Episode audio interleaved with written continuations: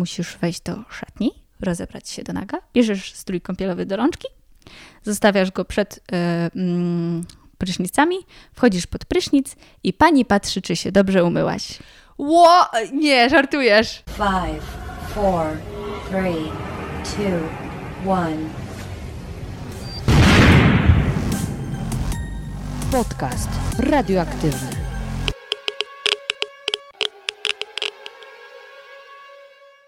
Dzień dobry, dzień dobry! Witam Cię w kolejnym odcinku podcastu radioaktywnego. Moi drodzy, dzisiaj jest naprawdę wyjątkowy odcinek, ponieważ po raz pierwszy mam ogromną przyjemność gościć dotychczasową słuchaczkę. Umówiłyśmy się, że pozostanie ona anonimowa, dlatego ani e, nie padnie tutaj jej imię, ani też w wersji wideo nie jest widoczna jej twarz. O tym, jak to się stało, że ze słuchaczki została moją bardzo dobrą koleżanką, usłyszycie już za moment. Natomiast ja tylko powiem, o czym będziemy rozmawiały, choć właściwie i to wiecie już z tytułu odcinka. Porozmawiałyśmy o Islandii, ale nie o takim typowo turystycznym punkcie na mapie, ale o miejscu, które jest domem dla ogromnej liczby Polaków. Dowiecie się m.in. dlaczego Islandia jest tak popularnym kierunkiem wśród emigrantów, ile można tam zarobić, jak wygląda tam życie, czy Islandczycy nas w ogóle lubią, a także sporo wskazówek dla osób, które zamierzają tam wyjechać nie tylko w celach zarobkowych, ale także turystycznych. Bardzo serdecznie zapraszam Was do wysłuchania naszej rozmowy.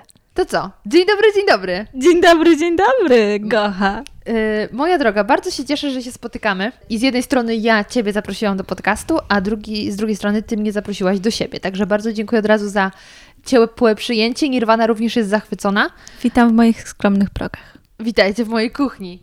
Yy, moja droga, historia naszej znajomości jest piękna, barwna i co mogę Nowoczesna. powiedzieć? Nowoczesna. Yy, bo nawet dzisiaj, w momencie, kiedy to nagrywamy, nie będę ukrywać, jesteśmy niedługo po tym, jak został opublikowany podcast z cytrynowymi królowymi. I zapyta- i dużo osób mnie zaczęło pytać, ej, ale skąd ty bierzesz takich fajnych gości? W ogóle, gdzie ty ich wynajdujesz? No a odpowiedź jest prosta. Ja właściwie ich nie wynajduję, tylko ja na nich trafiam. Oni się sami znajdują. Sami się znajdują. Dlaczego? Dlatego, że ja uważam, że każdy człowiek ma ciekawą historię. I to niejednokrotnie powtarzałam. I ja po prostu przyciągam fajnych ludzi to raz, ale po drugie wystarczy czasem z człowiekiem pogadać i się okazuje, że on ma coś ciekawego do powiedzenia. Tylko trzeba go wysłuchać. No i ty jesteś takim przykładem, ponieważ ty byłaś moją słuchaczką.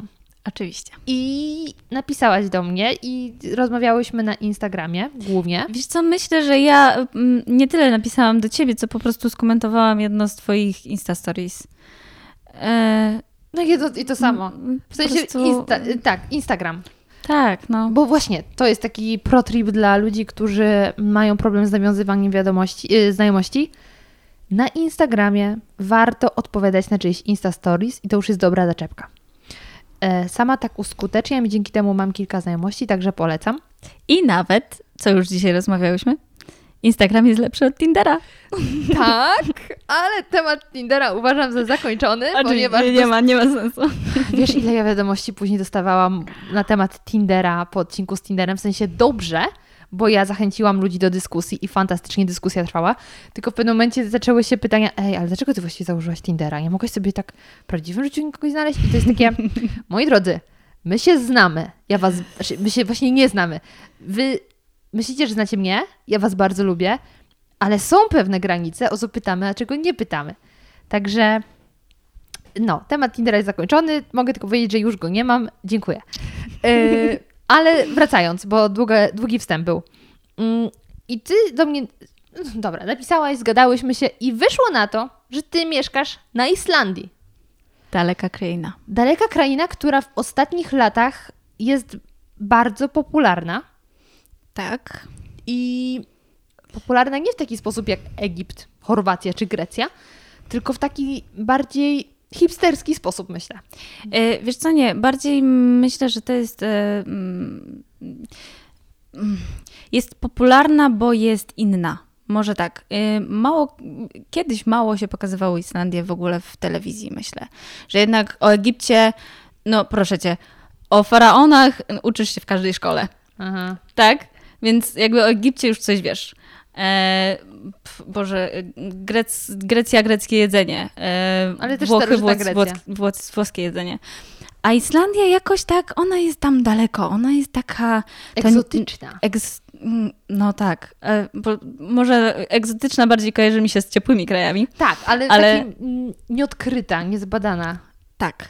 E, I to niby już jest troszeczkę nie nasz kontynent, ale nie Ameryka. Tak, jest właśnie tak blisko, ale niby daleko. Aha. To chyba jakaś taka piosenka była. Tak blisko. Nie, dobra. Nie, bo później będą się jakieś dziwne rzeczy nam nucić w głowach. No właśnie, ale w ostatnich latach dużo osób, między innymi z internetu, zaczęło jeździć tam, w tamte strony, robić vlogi i to zaczęło żyć w wyobrażeniach ludzi, e, że właśnie jest taka tajemnicza, e, dziewicza wręcz Islandia, na którą możemy sobie pozwolić. No dobra, te bilety nie są tak tanie, jak sądziłam, że są, że okej, do Norwegii polecisz cztery razy taniej albo 10. To już nawet nie chodzi o bilety, ale samo życie jest bardzo. Do samego Drogie. życia to dojdziemy. Mhm. Ale jak gdyby ja się spodziewałam, że życie tam jest drogie, bo życie w Norwegii jest drogie, drogie w em, Szwecji i tak dalej, i tak dalej. Ale tam te bilety też są dość drogie. Natomiast można sobie na to pozwolić. No wychodzi taniej niż polecieć na Bali. No, w dzisiejszych czasach można sobie pozwolić na bardzo dużo jednak. Może właśnie też dlatego y, na tą Islandię wszyscy już, już tam lgną, bo, bo jest otwarta, bo mamy na to pieniądze, a jak nie mamy pieniędzy, to nie wiem, znajdziemy je. Mhm. Jakby ym, jednak to podróżowanie jest łatwiejsze teraz. Mhm. Dlatego ludzie chcą podróżować tam, gdzie na przykład nie zobaczą lasu.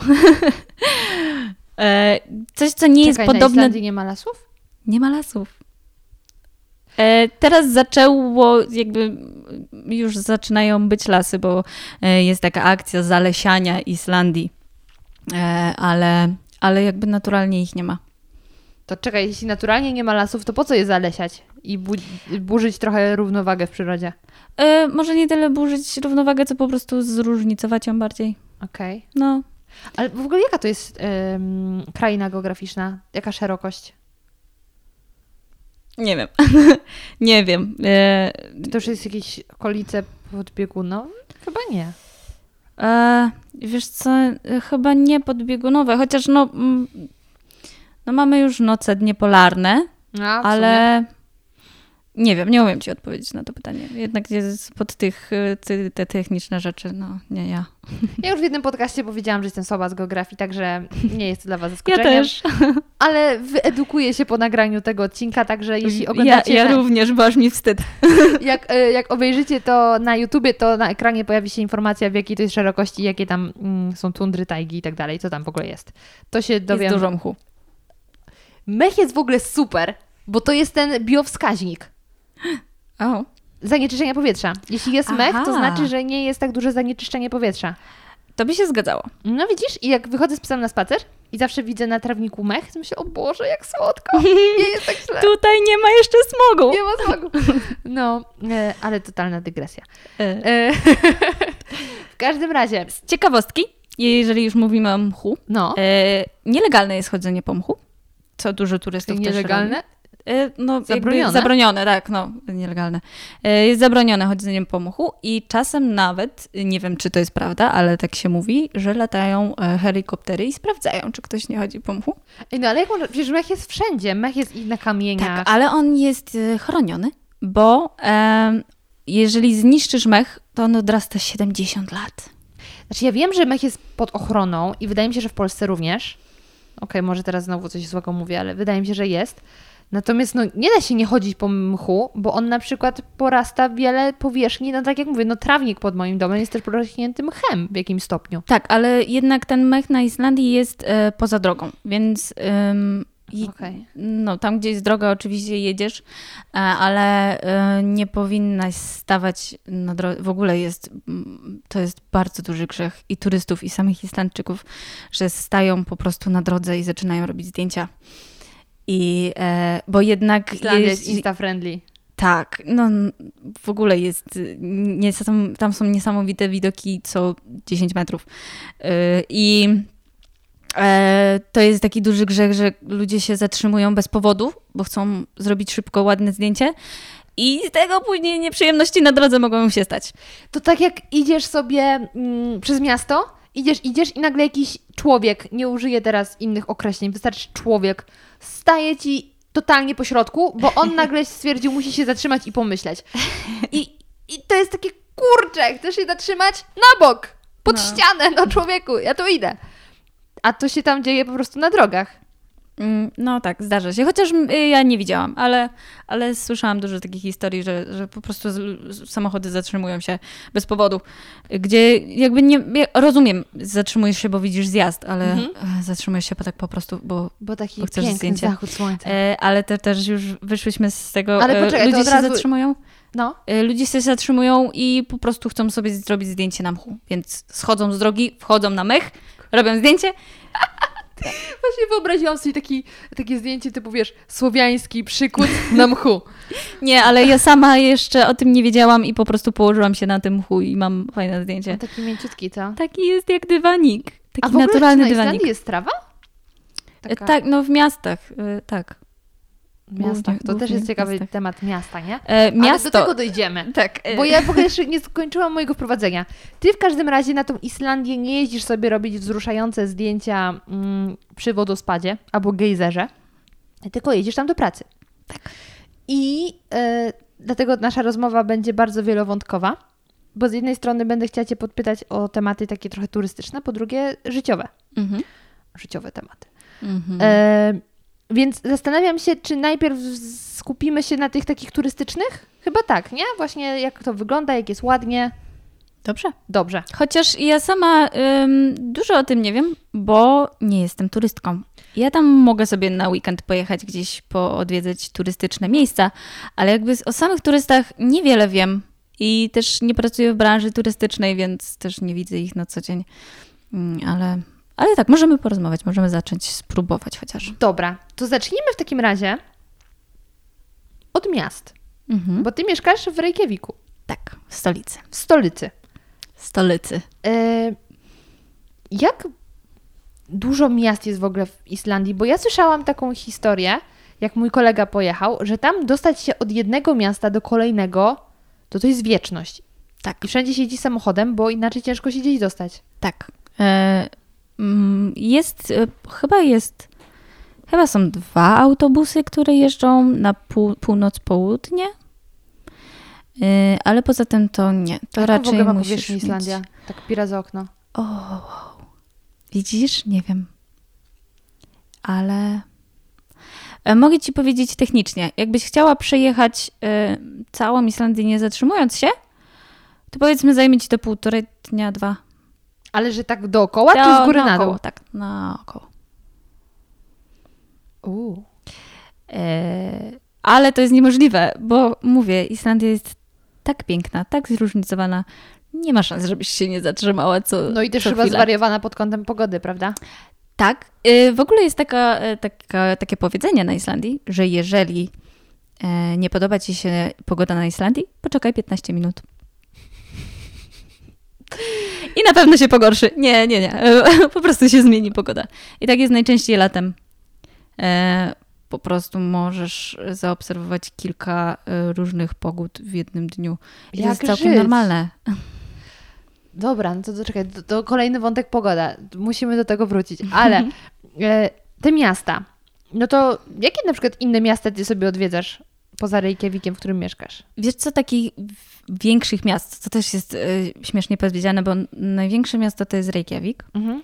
e, i on nie chce teraz e, właśnie skłamać, ale powiedzmy mniej więcej 150 tysięcy ludzi? To jest... 100, 150? Nie wiem, e, jest nie wiem dokładnie. Tak, no to jest Opole. No. Jakby mniej więcej. No. E, drugie miasto jest jakby jest Reykjavik. Dużo, dużo, dużo nic. Później jest drugie miasto i to jest e, Kopawogór. I ono jest zaraz obok Reykjaviku. I szczerze powiem Ci, jak ja jeżdżę sobie po naszej stolicy, to nie wiem, gdzie jest granica między Kopawogór a Reykjavikiem. Czyli coś jak ym, Zagłębie Śląskie. Nie wiesz, kiedy jesteś w, e, w Katowicach, a kiedy już w Sosnowcu. No, może znaczy, Sosnowcem ja wiem, już ale- wiesz. Sosnowiec się, umówmy, wyróżnia, tak? Pozdrawiam Sosnowiec, bardzo lubię w serduszku, mam o tym podcast, także nie czepiam się. Tak samo jak się nie czepiał Wałbrzycha. To jest taki inside joke. Idźmy dalej. Mhm. Okej, i E, tak, i I e, zaraz jest dru drugie miasto i potem długo, długo nic. Znowu kolejne miasto. E, I znowu długo, długo nic. Em, I także mm, jakby te, te różnice między miastami są bardzo duże, ale co też przeczytałam ostatnio, e, to to, że jeżeli jakby osada ma więcej niż 200 mieszkańców, już jest nazywana miasteczkiem. mhm. E, więc jakby tych miast jest sporo, e, ale mm, mało kto zna ich, mm, jakby zna je wszystkie, bo no tak, no bo jednak tego trochę jest. mm, tak. Ale powiedz mi, jak często zdarza się taka sytuacja, że jedziesz sobie gdzieś tam i nagle jest dom, a potem znowu nic totalnie nie ma przez kilkadziesiąt kilometrów, kilkanaście? Czy jednak są w tych osadach domy, żeby było trochę bezpieczniej? E, ra- raczej są już w tych osadach. E, raczej oni są skupieni, żeby tam mieć jeden sklep, przynajmniej nie jakąś tam stację benzynową, czy może jakiś oddział banku, ale, mm, ale to też już chyba w większych. Nie wiem, nie orientuję się aż tak, e, bo jednak się skupiłam na tym. mm, Na tym Stolicy. na tej stolicy i okolicach. Ale okej, no to, to skupmy się w takim razie na tym Reykjaviku, bo to też jest ciekawe. Mm, Jak wygląda to miasto? Jakbyś mogła porównać do jakiegoś polskiego miasta? Nie porównam. Wiesz dlaczego? E, jednak to jest taka duża różnica też kulturowa, e, bo e, w Polsce jednak gdziekolwiek nie, widzie, nie wyjdziesz, e, czy w mieście, czy nawet na wsi, widzisz ludzi. Chodzących ludzi. e, Chyba, że już ulicy. pełzających, zależy jaka pora dnia. A to, to też się zdarza w Reykjaviku, ale to nie o tym. A jednak, jednak w Reykjaviku oprócz tego centrum downtown tak zwanego, e, raczej ludzie nie chodzą. Raczej ludzie jeżdżą. Są w tych pojazdach. Ale samochodami czy jakimiś komunikacją Samochodami, e, tak, autobusami. Mhm. em, czasem na rowerze, ale to też e, no, właśnie musi być lato. Mhm. E, a tak to bardzo rzadko się widzi ludzi, którzy przemieszczają się piechotą z jednego miejsca do drugiego, bo jednak te odległości są bardzo duże. I jak e, powiedzmy, jedziemy do, do naszych znajomych e, i wklepiesz w nawigację, dojedziesz tam w 5-7 minut, ale jak wklepiesz, e, żeby tam dojść, to już zajmie ci to półtorej godziny. Aż tak? I to dalej w zakresie miasta centrum? E, To znaczy, no teraz taki dałam przykład między, między Kopawogór a Reykjavikiem, ale e, chodzi o to, że te drogi nawet nie są przystosowane do pieszych. Bardzo dużo jest takich miejsc, w których po prostu nie ma e, tego chodnika. E, Te samochody poruszają- się tam szybko. Mm, e, Jest też jed- jedna taka bardzo duża droga, która jest kilkupasmowa i to już wygląda jak, jak em, Autostrada. autostrada. E, No i tam raczej człowieka nie zobaczysz, y, bo tam nawet nie ma, nie ma gdzie ten człowiek przejść. Mhm. Więc ym, albo ym, pf, jakimiś ścieżkami, albo po prostu e, nie wiem, gdzieś bokiem trzeba przejść, e, bo, bo ciężko się poruszać po Reykjaviku ym, na nogach. A powiedz mi, czy tam są też jakieś takie zabytki jak na przykład u nas? Jakiś kościół, jakaś, e, jakiś no E, może co, zamek, Myślę, że nie aż tak stare jak u nas, bo jednak Islandia, e, może jakieś chaty. Może jakieś chaty, ale raczej jakieś takie duże budynki, które by były bardzo, bardzo stare. Nie wiem, nie przypominam sobie, żebym coś takiego widziała. E, Jednak Islandia bardzo skupia się na naturze. E, Natura jest bardzo bardziej. stara Aha. bo jest naturą. Boże, ale głup, głupoty gadam. E, Ale no, jest stara No i tak. jest nienaruszona, co jest, wyjątkowe. E, bardzo sobie szanują jednak Islandczycy naturę. E, mam wrażenie też, że e, jakby, żeby wytłumaczyć to, jak bardzo kochają tą naturę, wymyślają różne stworzenia. czyli na przykład elfy. Czad. I też ciekawostka i bardzo, bardzo em, dla mnie to jest zabawne, że e, jak zapytasz jakiegoś Islandczyka, czy wierzy w elfy, to ci powie, co ty głupia, to jest tylko, em, to jest tylko bajka dla dzieci, że, bo też elfy są dla nich Mikołajami, Mhm. jakby mm, jest tam chyba 12 elfów, 12 albo 13, o matko, nie wiem teraz. E, I e, one są Mikołajami na, na, na święta. Ale mm, to jest bajka dla dzieci, ja, e, ja w to nie wierzę, ha, ha, ha. E, ale znowu, jeżeli robisz jakieś anonimowe ankiety, to wychodzi, że 80% Islandczyków wierzy w elfy. I e, co ciekawe, jeszcze też e, jeden chyba portal o tym mówił, że prawdopodobnie jest tak, że to elfy mieszają w tych ankietach. Ale to jest cudowne, to dodaje takiej właśnie magii temu wszystkiemu. Tak. I e, dlaczego wiąże się to z naturą? Bo mm, elfy mieszkają w skałach. Mhm. I podobno też miała powstać jedna bardzo, e, bardzo przydatna droga z jednego miejsca do drugiego. Chyba powstała, ale w innym miejscu. Mm, e, I nie powstała dlatego, że Islandczycy oburzyli się, bo to tam jest e, miejsce, jakby tam żyją elfy. Więc tu ta droga nie może powstać, bo jakby zniszczymy im domek. I e, no tak, to jest, to jest pewnie takie gadanie, bo nie niszczmy natury Mhm. W tym miejscu, bo to jest dla nas jakby Ważne. ważne, miejsce. Ale no muszą to powiedzieć w ten sposób elfowski. No e, dla mnie to jest przezabawne, że... Ale to jest super urocze. Bo ja wciąż e, podtrzymuję, że dorośli ludzie to są tak samo dzieci, jak były, tylko piaskownica jest większa. I to jest fajnie, że chociaż e, w aspekcie takiej właśnie wyobraźni to gdzieś tam dalej działa. Mm, Ale okej, skoro życie toczy się bardziej wśród e, jak gdyby natury, a nie takiego łażenia po mieście, jak na przykład u nas się czasem spędza czas, że idziesz sobie na spacer do Biedronki czy do Lidla, Mhm. e, albo po Złotych Tarasach sobie połazić. Ale to nie, to, to też jest taka sama rozrywka, tylko że jedziesz autem. Okej, ale właśnie powiedz mi, jak wygląda życie w, tak, w Reykjaviku? Jak tam ludzie po prostu żyją? Od rana do wieczora co się mniej więcej dzieje? Em, głównie e, ży- pracuje się rano. E, głównie pracuje się rano, wszystkie banki są otwarte rano. Czekaj, a umówmy się, co znaczy rano. Ty też byśmy musieli wkroczyć już na e, kwestie pie- pieniężnie, piene- pieniężne, bo po godzinie m, 17 e, pieniądze zawsze są większe. Za usługi? Za wszystko, wszędzie w pracy. E, Jeżeli pracujesz po godzinie 17, musisz mieć większą stawkę niż przed 17. Hmm. E, Tak, e, ale to już jakby to jest też inna sprawa. Raczej pracuje się rano. Ale czekaj, ale to rano to właśnie jest bardziej taka ósma czy bardziej dziesiąta? Bo ludzie różnie patrzą na rano. Jeżeli chodzi o biurowe rzeczy od 8, ale jeżeli chodzi na przykład, sklepy są otwarte dopiero 11-12. Uuu, późno. Mm, Tak, późno, ale to jest też dla nich, dla nich to nie ma znaczenia. Jakby mm, pff, oni nie muszą iść z samego rana po bułeczki. Em, I e, to życie, e, to życie jest rano, później jest czas dla rodziny. Po tej E, 17.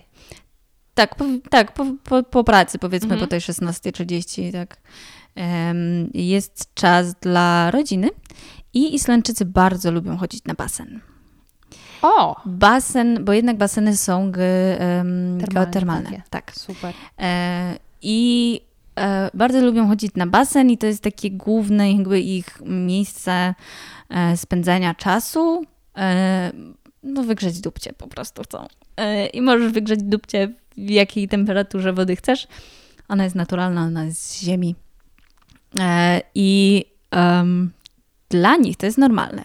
Dla nas, e, szczególnie Polaków, dziwne jest to, że jak idziesz na basen, to w szatni musisz rozebrać się do naga. Nie możesz, tylko musisz rozebrać się do naga. Bo y, najczęściej teraz mówię e, na przykład o damskiej szatni.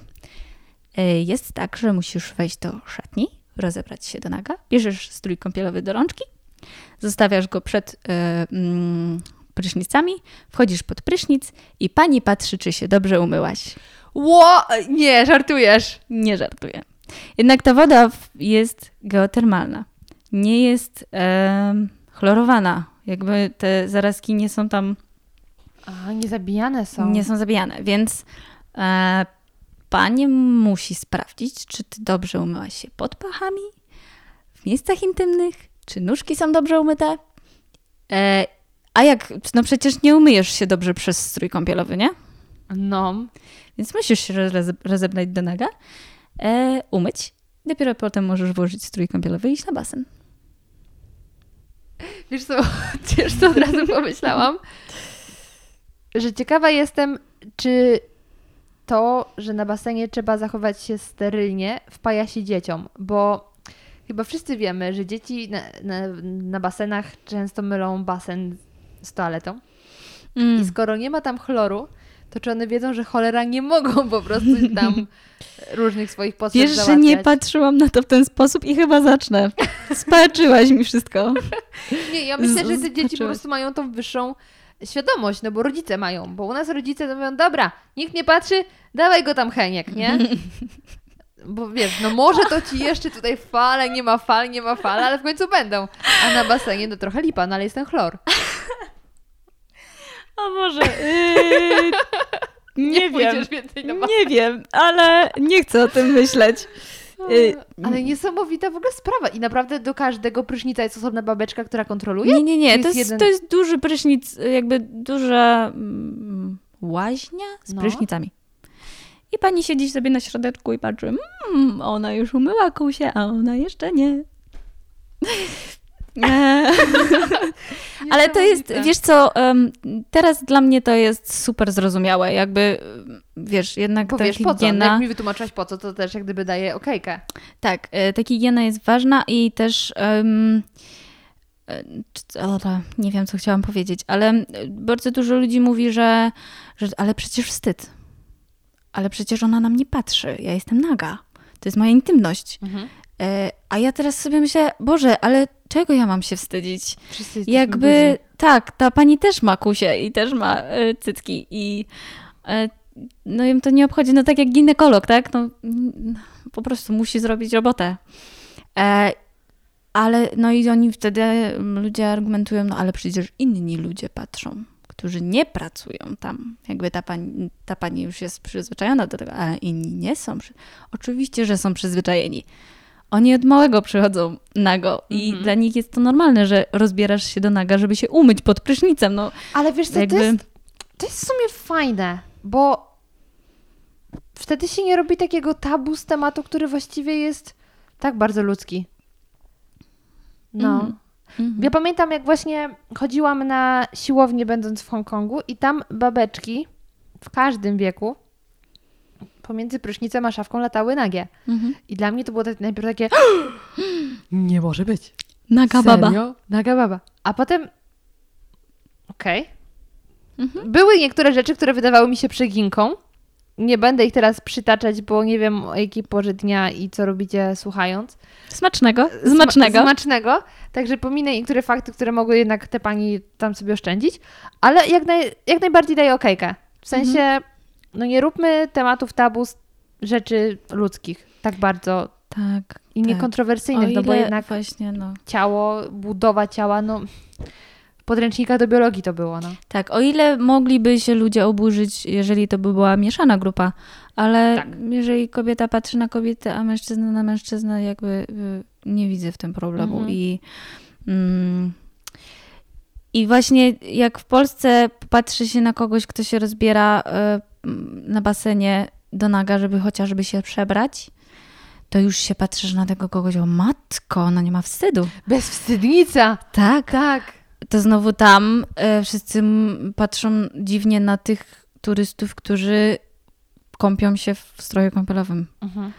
Myją się przez strój kąpielowy. Jakby to nie ma sensu. No tak, w ubraniach się nie umyjesz. Dobra, no to mm, już wiemy, jak wyglądają baseny. I to jest ważny, ważna część dnia, ale nie Tak. chodzą codziennie, czy chodzą codziennie? Waż, ważny element kulturu, kulturowy. Nie chodzą codziennie, ale to y, jednak to jest dla nich ważne. Mhm. Em, I to też w ramach tego czasu z rodziną, rozumiem, jest. tak, bardzo często tak. Mhm. Em, bardzo y, różnie wygląda u nich w ogóle kwestia jedzenia, bo y, z tego, co mi wiadomo, oczywiście nie wiem, czy tak jest wszędzie, Mhm. ale z tego, co mi wiadomo, z tego, co widziałam y, po moich, y, co mówiły mi też moje koleżanki, które mają dzieci, em, islandzkie dzieci nie, y, jakby mają jedzenie w domu, śniadanie, Mhm. Później mają lunch w szkolu, w przedszkolu, żłobku, gdziekolwiek. W szkolu. Czy ja powiedziałam w szkolu? W szkolu, przedszkolu. E, później jakby mogą zjeść coś, przegryźć jakieś jabłko, banana, cokolwiek, jeżeli są głodne. Ale e, kolejny taki treściwy posiłek jest koło 18-19 w domu dopiero. Mhm. Więc te dzieci często chodzą głodne. Ale to też ma swój jakby mm, Uzasadnienie? swoje uzasadnienie, e, bo Islandczycy twierdzą, że oczywiście nadal chcę podkreślić to, że ci, których znam i o których słyszałam, że em, jeżeli dziecko zgłodnieje w ciągu dnia, to potem zje wszystko.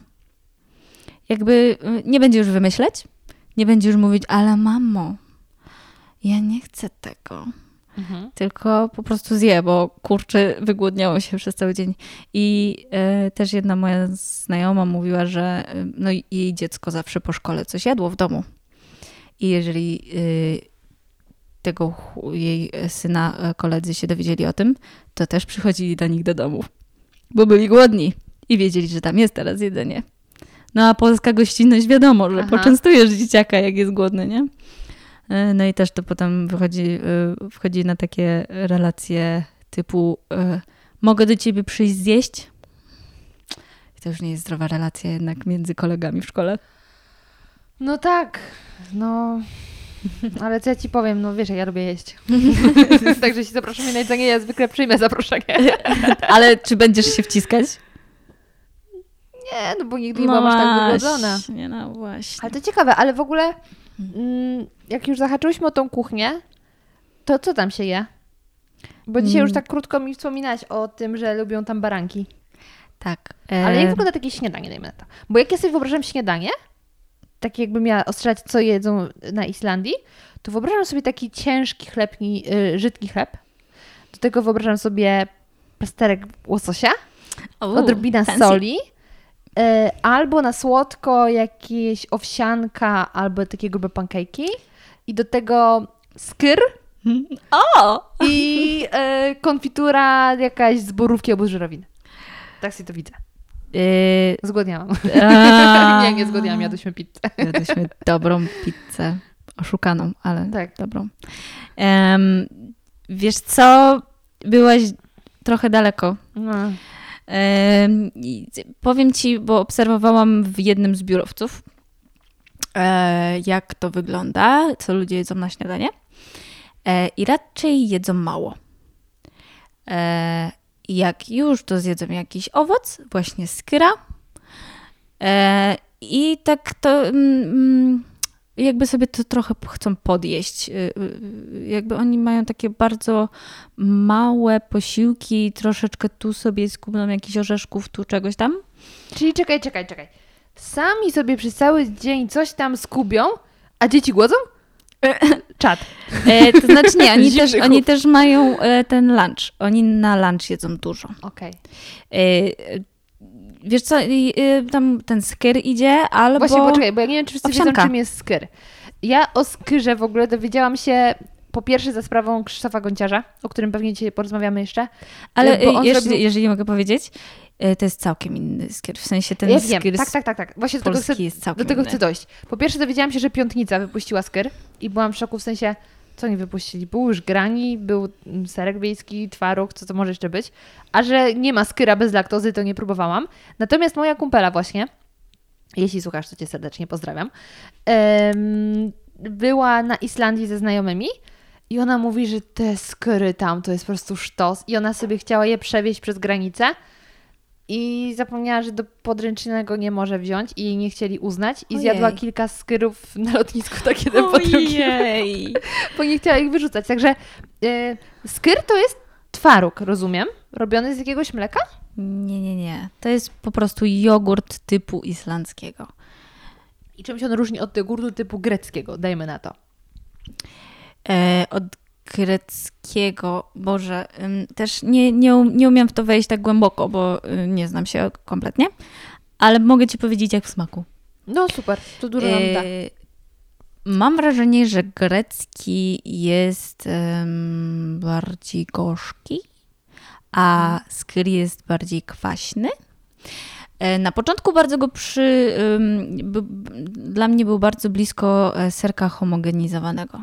Mhm. Takiego prawdziwego, nie danio. Nie, nie, nie danio. Takiego prawdziwego. prawdziwego, na którym masz napisane homogenizowany serek Średnio dobry. z e, podrzędnej firmy. Em, Bardzo był e, dla mnie podobny, jednak taki kwaskowaty. I powiem ci, ludzie dzielą się na pół. Albo uwielbiają, albo nienawidzą. Tak jak z wieloma produktami. Tak jak na przykład z pastą Mermaid. Marmite. Brytyjska pasta z drożdży. U, No ja jednak należę do grona ludzi, którzy... Aj nie. musiałabym spróbować. Chyba nie chciałabyś. Lubię próbować. To zapraszam. Wypluć i próbować. Spróbować i wypluć. Dobra kolejność. Serio, bo właśnie y, oni, po raz pierwszy dowiedziałam się w podcaście z Johnem, kiedy rozmawialiśmy o radiu polskim i brytyjskim i potem trafiłam do delikatesów i zobaczyłam, że jest ta pasta i stwierdziłam, muszę spróbować. Dalej jest w lodówce. Nie wiem, co z nią zrobić. Totalnie nie mój smak. E, To właśnie ja jestem taka, że muszę spróbować i wypluć. I, i tak e, właśnie gładko przejdźmy do tematu rekina, który jest e, powiedzmy, że przysmakiem, ale on jest jednak bardziej dla e, turystów. Mhm. Em, jakby to taki no, smaczek. Nie, to jest złe słowo, e, bo to wcale nie jest smaczne. O, Em, a dla Islandczyków to jest przekąska do mm, wódki. czekaj, ale w jakiej postaci to się je? E, Suszony? nie, Wędzony nie, nie, jakiś? nie, nie, nie, już ci mówię. Śledzik? O, tak, bliżej. Tylko, że to jest. y, y, Wystarczy, że ci o tym opowiem i już nie będziesz chciała tego próbować. Rekin jest ym, krojony na bardzo małe kawałki, wrzucany do ziemi i zalewany amoniakiem. Tam sobie leży przez jakiś czas, y, grzeje się w tej geotermalnej ziemi, e, no i tam jakby gnije troszkę. E, I po jakimś czasie jest wyjmowany, krojony na takie bardzo, bardzo małe kawałeczki y, jednocentymetrowe. E, I w, tam wrzucane powiedzmy do puszki. I jest jakiś tam przysmak, którego nie powinno się otwierać y, z, jakiegoś kraju, którego nie powinno się otwierać wewnątrz y, w, mm, w pomieszczeniu zamkniętym, bo tak bardzo śmierci Aha. To mi się wydaje, że na tym rekinie też powinno być to napisane, że nie powinno się otwierać w pomieszczeniach zamkniętych, no bo jednak to cuchnie amoniakiem. I e, właśnie Islandczycy e, mówią, że nie powinno się tego jeść tak o, bo oni tego te, tak oby też nie zjedli. E, ale mm, to powinno się jakby zagryzać e, do wódki, takiej bardzo mocnej wódki islandzkiej. I oni to tak naprawdę jedzą tylko raz w roku na Dzień mm, Mężczyzny. W marcu właśnie? Nie, bo ty To było jakoś innego... niedawno, no. E, Bo ktoś mi mówił, że w jakimś kraju się innego dnia obchodzi Dzień Mężczyzny. e, tak, nie tak. pamiętam. No to było, e, nie, czy w lutym, w lutym to było. A, Teraz Dzień jakoś. Mężczyzny w Polsce jest 10 marca. Tak. Dwa dni po Dniu Kobiet.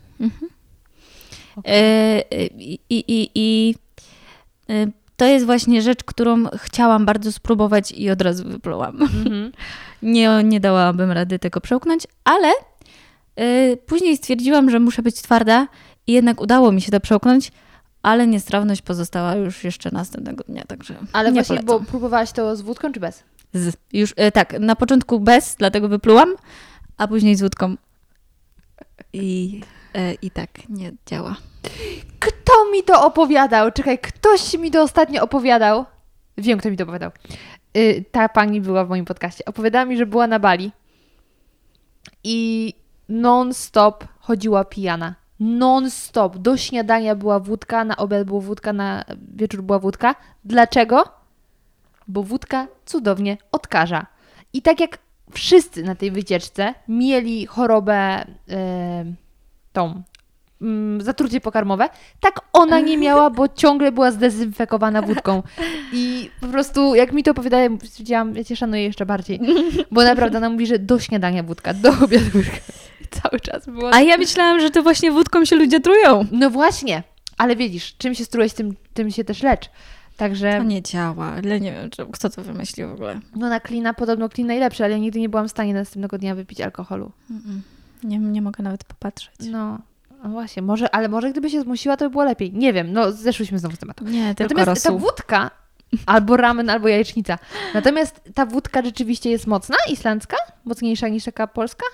Wiesz co, e, Czy wódka to wódka? e, no myślę, że jeżeli rozmawiasz e, z Polakiem, to wódka to wódka. Okej, to mnie satysfakcjonuje.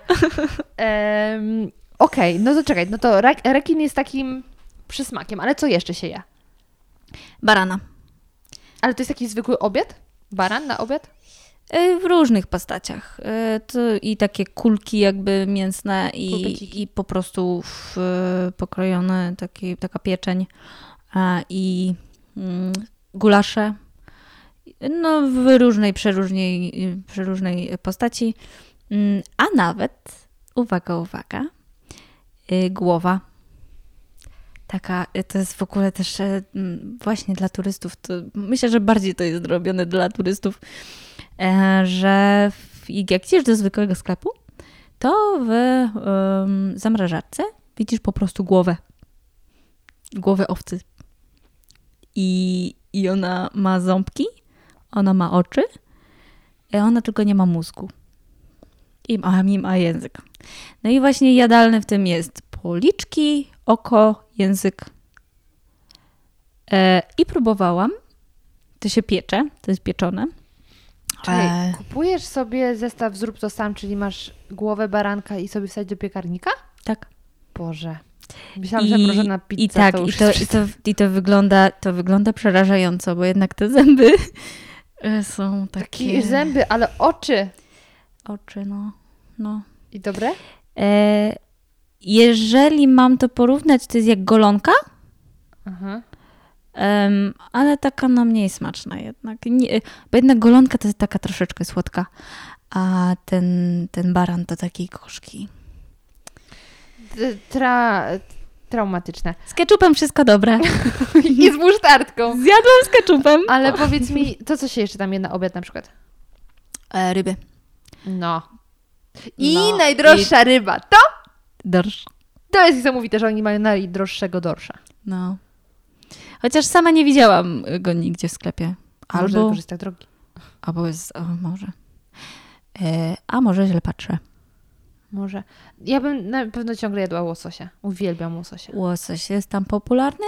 E, I no tak, no, no jak to łosoś, no jednak musisz za niego zapłacić, ale nie jest aż tak drogi. Mhm. Dobra, a oni tam jakieś, nie wiem, na kolację jakieś kanapeczki wchodzą, czy coś?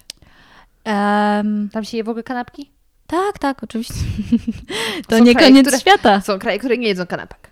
Tak, no, kanapki, owsianki, sałatki. O, a jakie sałatki? Takie, takie... Klasyczne. Jakby to, co wrzucisz, to będziesz mieć. Tak jakby nie, nie zwracają aż tak na to uwagę. Po prostu warzywka. Dobra. A owsianki z czym się je? Takie, nie wiem, są jakieś Ze skyrem. z kerem. Okej. A, a jakie tam owoce dominują? Bo to jest jednak specyficzny E, też O, klimat. e, jeżeli chodzi o owoce, e, Islandia jest chyba jedynym europejskim krajem, który ma swoje własne banany. Bo ma, e, jest bardzo dużo, jak się to nazywa? Szklarni? O, szklarni, w których e, właśnie energią geotermalną podgrzewa się te wszystkie szklarnie i tam rosną sobie bananki. Ale czad! I tak samo z pomidorami. Ale jakie to jest w ogóle ekologiczne. Świetne. I te Super. banany, powiem Ci, one są nawet lepsze niż te, które jem w Polsce. No to w Polsce... W ogóle mnie bawi, że w Polsce ludzie no, najbardziej lubią te niedojrzałe. Kiedy moim zdaniem te poprawne to są te dojrzałe, przedojrzałe nawet. Takie czarnuszki Takie już, czarnuszki, nie? no. No. Kochane, biedne zawsze zostają pojedyncze i nikt już ich nie chce. I wtedy No. mówię, no chodź, No, chodź do koszyka. Zjem Cię już. Zjemcie, zjemcie. E, Okej, no to powiedzmy temat jedzenia mamy ym, chyba bardziej liźnięty, bo też nie jesteś osobą, która aż tak lubi y, zagłębiać się w tematy jedzenia, więc nie będę O cię... Boże, ja w Chociaż ogóle nie jedną- lubię się y, wgłębywać w islandzkie jedzenie, Ale jedną rzecz ogóle nie musimy- smakuje. Jedną rzecz musimy poruszyć. Pizza z daktylami. Jak mi o tym powiedziałaś, że w pewnej restauracji serwuje się pizzę z daktylami, to mi szczena opadła. W wielu restauracjach tak. Y, I to jest super pyszne. Mm. Ale to są daktyle takie y, suszone? Y, tak, suszone, ale w kawałkach. Jakby krojone na takie małe kawałeczki i to tak się rozsypuje po tej pizzy. I to Ale jest takie, nie mm. bierzesz sobie pepperoni i do tego masz daktyle, czy to jest bardziej już taka stricte na słodko pizza? Nie, nie, nie, nie. Po- prostu mieszasz. Możesz tam mieć wszystko i, i, i do tego sypniesz daktyle i to jest takie słodsze wtedy. Pokażesz mi stronę internetową tej e, pizzerii ja sobie przejrzę menu i może coś powtórzę w domu, bo nie potrafię sobie tego wyobrazić. Ja mam szeroką wyobraźnię kulinarną, ale jest to dla mnie tak fantastycznie na zaskoczenie, że naprawdę wow. Z awokado polecam. Dobre połączenie awokado, daktyle i na przykład, no właśnie ser taki, wiesz, i y, mm, zwykły sos pomidorowy do pizzy i więcej ci ży- do życia nie potrzeba. Ale seriaki? Mozzarella? Czy w sensie jakiś taki owczy pi, pi, pizza, jak pizza. Okej, czyli mozzarella. Jakby, no. No, albo żółty. Gołda na pizzy to powinno być zabronione. Dlaczego? Gouda. Ja, ja, lubię, ja lubię w ogóle Goudę. Bo pizza nie jest z gołdą. Ludzie się czepiają smalcu wegańskiego, ale pizza z gołdą to jest profanacja. Pizza powinna mieć mozzarellę. Amen. Ja po prostu lubię pizzę. Okej. Jakby może być nawet z Goudą. Może być nawet z Nawet- czekoladą na słodko. Nawet, y, nie wiem, no dobra, nie, mascarpone to już przesada. Mascarpone powiem Ci byłoby spoko. Mówisz. Tak, ma, ja, pizza cztery sery czasem ma nawet mascarpone. To, co się w ogóle dzieje na pizzy cztery sery, to jest szaleństwo. Nigdy nie jadłam, bo myślę, że wątroba by mi tego nie wytrzymała. Tak. Challenge accept. Dobra, mamy temat jedzenia załatwiony. No to mm, właśnie teraz nie wiem, czy jeszcze ogólnikowo, czy trochę bardziej w konkret. Zostajmy na razie jeszcze ogólnikowo, bo chciałabym zapytać, jacy są Islandczycy? Uuu, to jest, to jest też bardzo taki, Zależy. bardzo zależy. Tak. Ogółem, jako społeczeństwo, są bardzo otwarci. E, otwarci kulturowo, otwarci em, etnicznie, e, nawet religijnie, chociaż religia dla nich nie ma aż takiego dużego znaczenia. Mam takie wrażenie przynajmniej. E, Też dużo e, Islandczyków chyba już przestało wierzyć w cokolwiek. Elfy wierzą, wystarczy. E, tak, elfy wierzą i im trzaskają drzwiami te elfy. Ale mm, wiesz co, mm, e, są bardzo otwarci, e, bardzo tolerancyjni. Związki partnerskie to jest coś całkiem jakby normalnego. Oni się nad tym nie zastanawiają nawet. Em, a przede wszystkim em, 100% Islandczyków potrafi czytać, pisać. Mimo tego, że są w takich malutkich miasteczkach i tak dalej. Ale poczekaj, poczekaj. Ja teraz widzę na ignoranta, ale w takiej naszej Polsce to nie jest 100%? Nie wiem, jak to wygląda w Polsce, ale w, w wielu krajach jednak e, jest dużo ludzi, którzy nie potrafią pisać i, i czytać.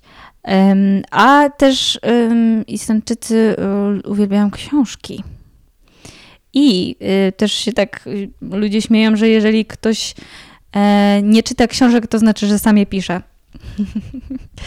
I na święta się bardzo często podarowuje książki w prezencie i jest ich bardzo dużo przed świętami w sklepach. E, W takich zwykłych sieciówkach po prostu są dodatkowe, e, dodatkowe mm, Regały? półki z książkami. I ludzie się realnie cieszą z tych książek, a nie na zasadzie Tak. mmm, książka, super, Przeczytam. dziękuję. Mm. Oni, jak sobie wyobrażam, bardziej jednak ciągle lgną w stronę natury niż tej technologii. Chociaż wiesz co, e, nie spotkałam jeszcze, ja jeszcze nie spotkałam e, Islandczyka, Islandki, który by nie był non-stop na Snapchacie. A jednak Snapchat? No. U. I to tak, e, może nawet nie tyle, e, bardziej mi się wydaje, że oni go, z niego korzystają jak z, mm, nie wiem, z komunikatora, bo oni robią sobie byle jakie zdjęcie, jakby, wiesz, tak jak patrzysz na telefon, zrobisz zdjęcie i na tym piszą jakby jakąś wiadomość. I e, no dla mnie to jest dziwne. Mają do tego Messengera, mają do tego Whatsappa, ma nawet Instagram w prywatnych wiadomościach. Mhm. Ale No, mówię z tego młodszego pokolenia, które jakby widzę na co dzień, to ja widzę, że w każdej wolnej chwili oni na ten Snapchat jednak patrzą. Więc to też to też nie tak, nie? Jakby i natura, i też ta technologia też ich kręci mega. Okej. E, Ale mm, co do też do książek, to Islandczycy, mm, islandzki język nie zmienił się aż tak, jakby w przeciągu lat, e, więc e, Islandczycy potrafią nadal czytać tysiącletnie księgi. Mm. I nie mają takiego mind... Dobra, chciałam powiedzieć słowa mindfuck, a później będę, że znowu używam, nie używam dobrych słów. Nie mają takiego zdziwko o co chodzi. Tak. Kiedy ja czytałam, Cóżże. A tam cóż, że, cóż, że ze Szwecji to spoko, ale pamiętam jak czytałam pana Tadeusza, Mhm. może nie, ale było, był jakiś tekst, że ktoś tam komuś dał czarną polewkę i coś tam, coś tam. I tak przeczytałam ten fragment i nie wiem o co tam chodziło, ale było na takiej zasadzie, czy on był homoseksualistą i to właśnie wyszło? A moi, coś tam, pytałam rodziców i okazało się, że nie, że ktoś tam chyba odrzucił zaręczyny czy coś tam, było takie wow, co ma do tego czarna polewka, nie? I takie, No. Albo wiesz co, e, czy wiesz co to jest gryka? gryka? No, No. kasza gryczana jest z gryki. E, Ja powiem ci, e, no jakby, bo każdy się uczył. Gryka jak śnieg biała, nie? Dzięcielina pała. Dzięcielina pała. Ja do niedawna nie miałam pojęcia, o czym ja mówię. Jakby, tak, uczysz się tego, czytasz to w tych tak, takich e, starych, starych em, lekturach, ale e, kompletnie tego nie kumasz. A jednak Islandczycy, e, też ostatnio rozmawiałam z jedną Islandką, która mówi, że właśnie musiała ostatnio czytać jedną z bardzo starych księg i się, i się jej do szkoły nauczyć. Mhm. E, więc dla nich to jest jakby łatwiejsze, bo jednak ten język aż tak bardzo się nie, nie zmienił. I nawet teraz e, oglądam Wikingów. I powiem ci, znam kilka słów islandzkich Mhm. i je słyszę tam w tych Wikingach. Więc to jest e, wow. To jest naprawdę imponujące, że, że, że szanują sobie ten język. No wiesz, muszą go szanować, bo im się straci. No, jakby ich jest nie coraz jest tak mniej. popularny. To prawda. Ale właśnie, kurczę, zastanawiam się, co to jest dzięcielina. co to jest dzięcielina? A co to jest pała? No Nie, pała, dobra, nie, to, nie, że nie świeci, mówmy nie? tak. Co? Że pała, w sensie, że świeci. Że na przykład pałasz blaskiem. Aha, dzięcielina pała czymś, tak? Nie chcę, nie, to nie ma sensu chyba. To trzeba zbadać. Gdzie panieńskim rumieńcem dzięcielina pała. O, Tak było, nie? nie, Pamię- pamiętam już tego, sorry. Pałać to domyślam się, że chodzi o emanować, ale O, dzięcielina? Kurczę, ja mam maturę. Okej, idźmy Boże, dalej. a to nie było tak dawno temu. Oj, było. Kiedy mi pisałyśmy maturę? Pięć lat temu. Jakoś tak. A ile mamy? Okej, Już pamiętam, ile mamy. było tak no, No, było. Dobra, idźmy dalej, idźmy dalej. Boże, ale wstyd. E, Widać, że mamy i braki w geografii, i braki w polskim. W ogóle jesteśmy wybrakowane. Skończyłam w internecie, no. Tak, tak, właśnie, tak właśnie skończycie, jak nie będziecie się uczyć do matury, moi drodzy. Uczcie się Słuchacie. dzieci, bo będziecie się wstydzić jak my teraz. Dokładnie. Em, chociaż my już nawet bezwstydnicy jesteśmy, nie? Ale dobra, dobra, dobra. Wróćmy na dobre tory. Y, bo y, też zapytałam o tych Islandczyków, o w ogóle jeszcze mi się aspekt o kuchni przypomniał, to za chwilę. Do tych Islandczyków, bo o Norwegach i Szwedach panuje z jednej strony takie przekonanie, też nie wiem na ile trafne, bo no w Oslo spędziłam dwa dni, e, a nie obcowałam aż tak bardzo z w ogóle mm, ludźmi z tamtych okolic, że oni są zamknięci i zimni i są dopiero super serdeczni, jak ich poznasz, że tam jest nawet problem, jak spotykasz sąsiada na korytarzu, jak powiesz mu dzień dobry, to on jest przestraszony. Aha, I nie, że nie, się nie. należy im odzywać najlepiej. E, nie, e, Islandczycy bardzo dobrze reagują e, na każde hi, e, na każde golden dagen. Jak już powiesz do nich po islandzku, to już w ogóle są szczęśliwi. O, super doceniają. Tak, chociaż też e, bardzo dużo ludzi jakby oczekuje od ciebie, że jak już tu jesteś, to musisz mówić po tym islandzku. A jednak dużo ludzi nie chce. Ale Aj. wiesz, niestety ja to jestem w stanie zrozumieć, bo zobaczmy na Polskę. Przyjeżdżają do nas y, osoby z zagranicy i to jeszcze ważne, której zagranicy, czy to na zachód, czy na wschód, o czym też rozmawiałam w jednym z podcastów. I Polacy uważają, wiesz, jesteś w Polsce, tu się mówi po polsku. I wymagają od ludzi, żeby mówili w naszym języku, który nie jest najpopularniejszym językiem. A nie, nie- najłatwiejszy. Nie jest super łatwy, tak, to nie jest angielski. E, ale my też mamy takie na zasadzie, mów do mnie po polsku. Mhm. E, Więc no trochę... Ale wiesz co, nie, jednak e, Islandczycy e, rozumieją to, bo No, no, to właśnie i super, że rozumieją, a to, że niektórzy stwierdzają mów do mnie po islandzku, to bardziej, jest... nie, bardziej chodzi o to, że im dłużej jesteś, Mhm. tym więcej powinnaś mówić po islandzku. Mhm. E, A jednak dużo ludzi jakby nawet nie chce się nauczyć podstawowych słów, bo twierdzą, że i tak się dogadają po angielsku. A, taki mm, ignorancja totalna. Mm, a troszeczkę znasz tak. trochę islandzkiego? Trochę znam. E, Mój zawód też jest taki, że muszę, muszę znać, muszę przynajmniej rozumieć. E, Niekoniecznie mówię, bo mam bardzo duże problemy z wymową, ale A dużo rozumiem. trudny jest? Do czego byś porównał ten język, do jakiego innego? Nie wiem, do jakiego języka bym to porównała, ale jak tak słucham, to oni po prostu paplają. To może Włosi.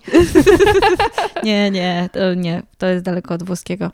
Jednak e, ten duński, e, norweski, chociaż norweski już Bardzo jest trudne są trudny, e, norweski jest bardziej twardy jednak.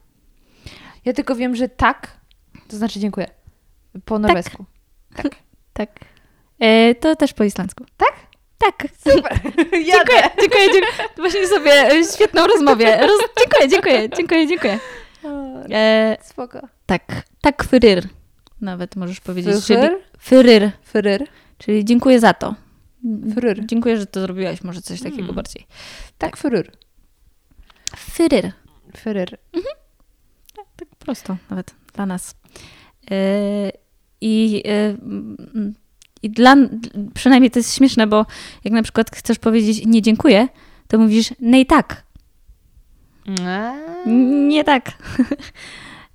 Ale no, to jakby dla nas Polaków to tylko jest takie nie tak. Taki inside joke. No. Okej.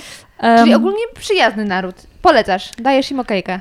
daję im okejkę, e, bardzo są tolerancyjni i ach, tego nam brakuje chyba właśnie i tego spokoju. Oni są super spokojni. Mm, jakby mm, dla nich nie ma pospiechu. Dla nich, e, jeżeli, mm, jeżeli nie, to nie. Tak. Tak. Jeżeli nie, to nie. I jakby nikt ci do niczego nie zmusi. E, Jak chcesz przyjść na nadgodziny, to przychodzisz, ale nikt ci nie może powiedzieć, e, jak ty wyjdziesz, to nikt nie zostanie. Jakby wiesz, musisz. Nie ma musisz Mhm. na Islandii. Możesz. Chcesz, możesz. Mm, e, I to jest super i dlatego też są, to jest szczęśliwy naród. To, dlatego też nas... Szanują swoje prawa nawzajem. Tak, szanują swoje prawa, e, nie mają wojska. E, są w porozumieniu z wojskiem amerykańskim. W razie jakby coś się działo, to Kto o, o zdrowych zmysłach chciałby napadać na Islandię? ktoś, kto chce mieć, Boże nie, jak to powiem, to ktoś będzie chciał. ktoś, kto chciałby mieć na wyłączność kraj, który e, ma energię geotermalną nieograniczoną. No ale... Ale tam jest zbyt miło, żeby atakować, no. No Tak. tak. jak kto chciałby atakować... Daj mi Australię z takim przykładem takiego chilloutu. Chociaż mało Nie, tam jest za dużo pająków. No To by tak. chciał atakować tyle pająków, może tak. Osoby, które chcą mieć nieograniczoną energię płynącą z pająków. Strach. Ale, no, trochę. O. I sprawować władzę nad ludźmi, którzy mają arachofobię. Znam takich wariatów, co by chcieli to zrobić. A teraz czas na krótką przerwę.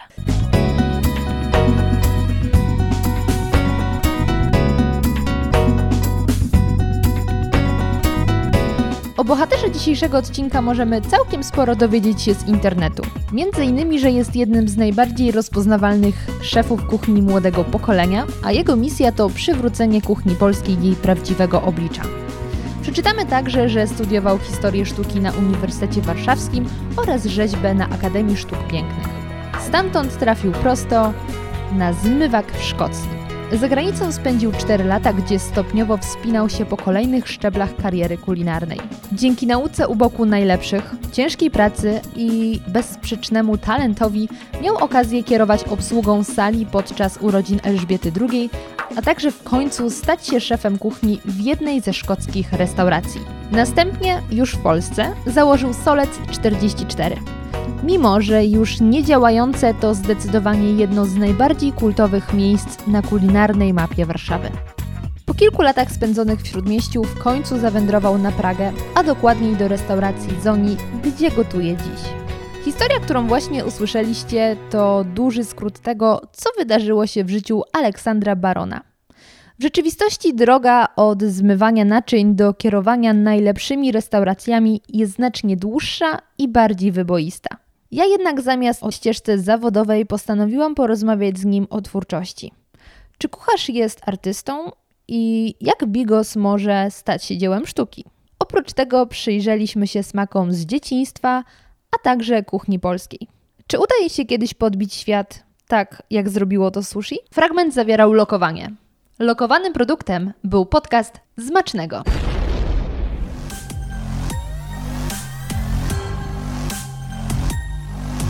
Podcast radioaktywny. Dzień dobry, dzień dobry. Dobra, no to słuchaj, no to mamy już godzinę rozmowy. Wow. Wow. E, więc to jest ten moment, kiedy chciałabym przejść do tematu Twojego pobytu tam już bezpośrednio. E, bo pierwsze pytanie, jak długo Ty mieszkasz już w, na Islandii? Prawie dwa lata. To już jest, jest to kawałek czasu, żeby się wypowiedzieć z perspektywy Polaka pracującego tam. Tym bardziej, że mm, pomysł na nagranie tego podcastu pojawił się głównie dlatego, że e, ja oczywiście byłam podekscytowana faktem, że ty tam mieszkasz. Mieszkasz o jacie, ty mieszkasz na Islandii. Czad! y, Gądziarz tam był. Tak. I ty mi powiedziałaś, że w internecie wypowiedzi, które możemy usłyszeć, ciebie osobiście nie przekonują i się z nimi nie zgadzasz, delikatnie mówiąc. był. Mhm. Mm, Jest jedna taka osoba, która przy okazji też gąciarza dużo mówi na temat Islandii. Tak. I ty się nie do końca zgadzasz z tym, e, co mówi. Mhm. Więc powiedz mi, które te wypowiedzi szczególnie uważasz z Twojego punktu widzenia, zaznaczmy, y, za nieprawdziwe albo trochę mijające się z prawdą? Jeżeli chodzi o tą dziewczynę, y, ja ją uwielbiam. Jakby dużo ludzi y, ją uwielbia, ale e, nie podoba mi się to, w jaki sposób ona właśnie opowiada o tym. E, Na przykład ostatni odcinek, e, w którym ona była, który ona prowadziła, nazywał się Jak spędzić dzień w Reykjaviku. Mhm. I jedyne, co opowiadała, to idźmy do lodziarni, idźmy do ciastkarni, idźmy do parku. Mhm. Jakby mm, Nie mówiła nic o basenie. nie mówiła nic o basenie, który jest właśnie tak, takim bardzo dużym jakby i skokiem kulturowym między nami a Islandią i też właśnie dla nich ważny, ważnym kulturowo. em, nie mówiła o tym, jak, jak ciekawe jest samo downtown, czyli ja to nazywam islandzkie krupówki. To jest taka bardzo długa ulica pod górkę i z górki, e, gdzie jest dużo sklepów, e, ale też dużo klubów. I e, ten, ten, to ulica zmienia się w ciągu dnia, bardzo diametralnie. Jakby jej, jej charakter i, i ludzie, którzy tam są. Bo em, to wygląda tak, że masz powiedzmy sklep z, z ubraniami, sklep z pamiątkami, zaraz obok jest klub nocny, a zaraz obok masz, e, nie wiem, em, z, zwykły sklepik m, z hot dogami, o, Mhm. na przykład. Więc e, w ciągu dnia idziesz i kupisz sobie pamiątkę, a w nocy przyjdziesz się na Napić. pić Y, i pobawić i zatracić. Mhm. Y, I, mm, I właśnie te miejsca takie bardzo, mm, bardzo turystyczne. Może, może ona też nie chciała mówić o tych turystycznych rzeczach, y, to też rozumiem, ale mm, sam taki spacer po centrum y, jest tak ważny. Jest też bardzo dużo murali. Jakby bardzo Taka łódź trochę. Łódź słynie z murali w Polsce.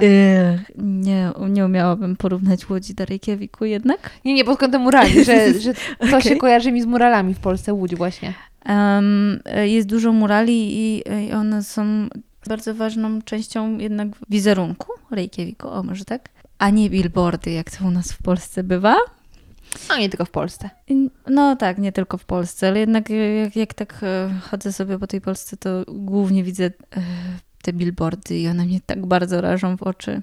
No tak, no bo ty na co dzień bardziej patrzysz na góry, wodospady i, i ładne takie naturalne rzeczy, więc myślę, że w każdym Tak. mieście to mogłoby radzić. E, Ale dla pocieszenia problem oblepiania miast w banery jest, sięga chyba XVI wieku, także to nie jest nic nowego. Ojej. Nihilnowi.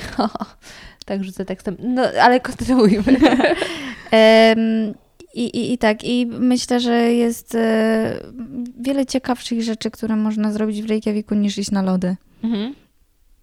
Dobra, ale to była taka rzecz mm, subiektywna Tak, plus tak, tak. pytanie, na ile to miało na ile to miało ładnie wyglądać we vlogu, nie? Bo jednak gąciarz to Oj, vlog to i też tak dalej. nie wyglądało ładnie, mi się wydaje, bo tam też było pokazane dużo rzeczy w remoncie.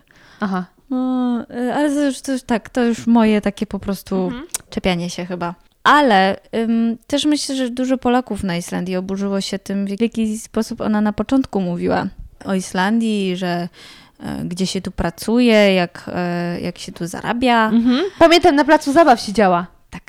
Aha, widzisz, pamiętam, ale oglądałam to raz, ale zapadło mi w pamięć rzeczywiście. E, To co mówiła? Bo nie pamiętam, co mówiła, pamiętam, że była na placu zabaw, ale co mówiła i, i co nie jest tak do końca twoim zdaniem prawdą? e, może powiem Ci tak, o co się ludzie oburzają, Tak. Polacy na Islandii? O to, że powiedziała, że jest łatwo, pięknie i możesz szybko znaleźć pracę.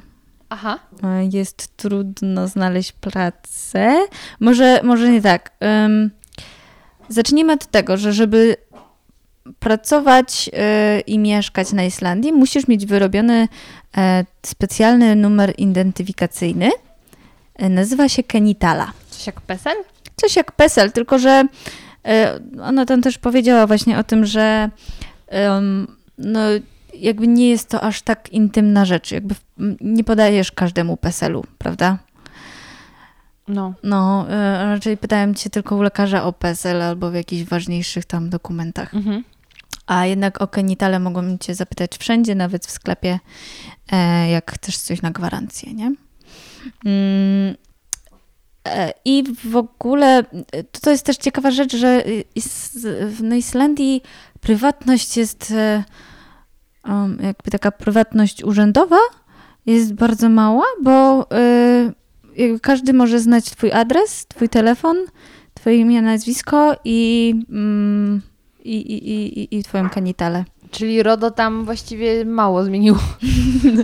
E, nie wiem, nie, nie obiło się to mm, i, o, jakoś bardzo Mhm. uszy. Ale mm, e, Z tą genitalą, jakby, że, jakby że tak, tak. I im to też nie przeszkadza, w sensie e, jakby mało kto chce wykorzystać twoje dane, bo to, to ich nie obchodzi, Mhm. żeby, żeby wykorzystać twoją prywatność do czegokolwiek złego. Zaufanie społeczne jest. No. No ale z tą pracą.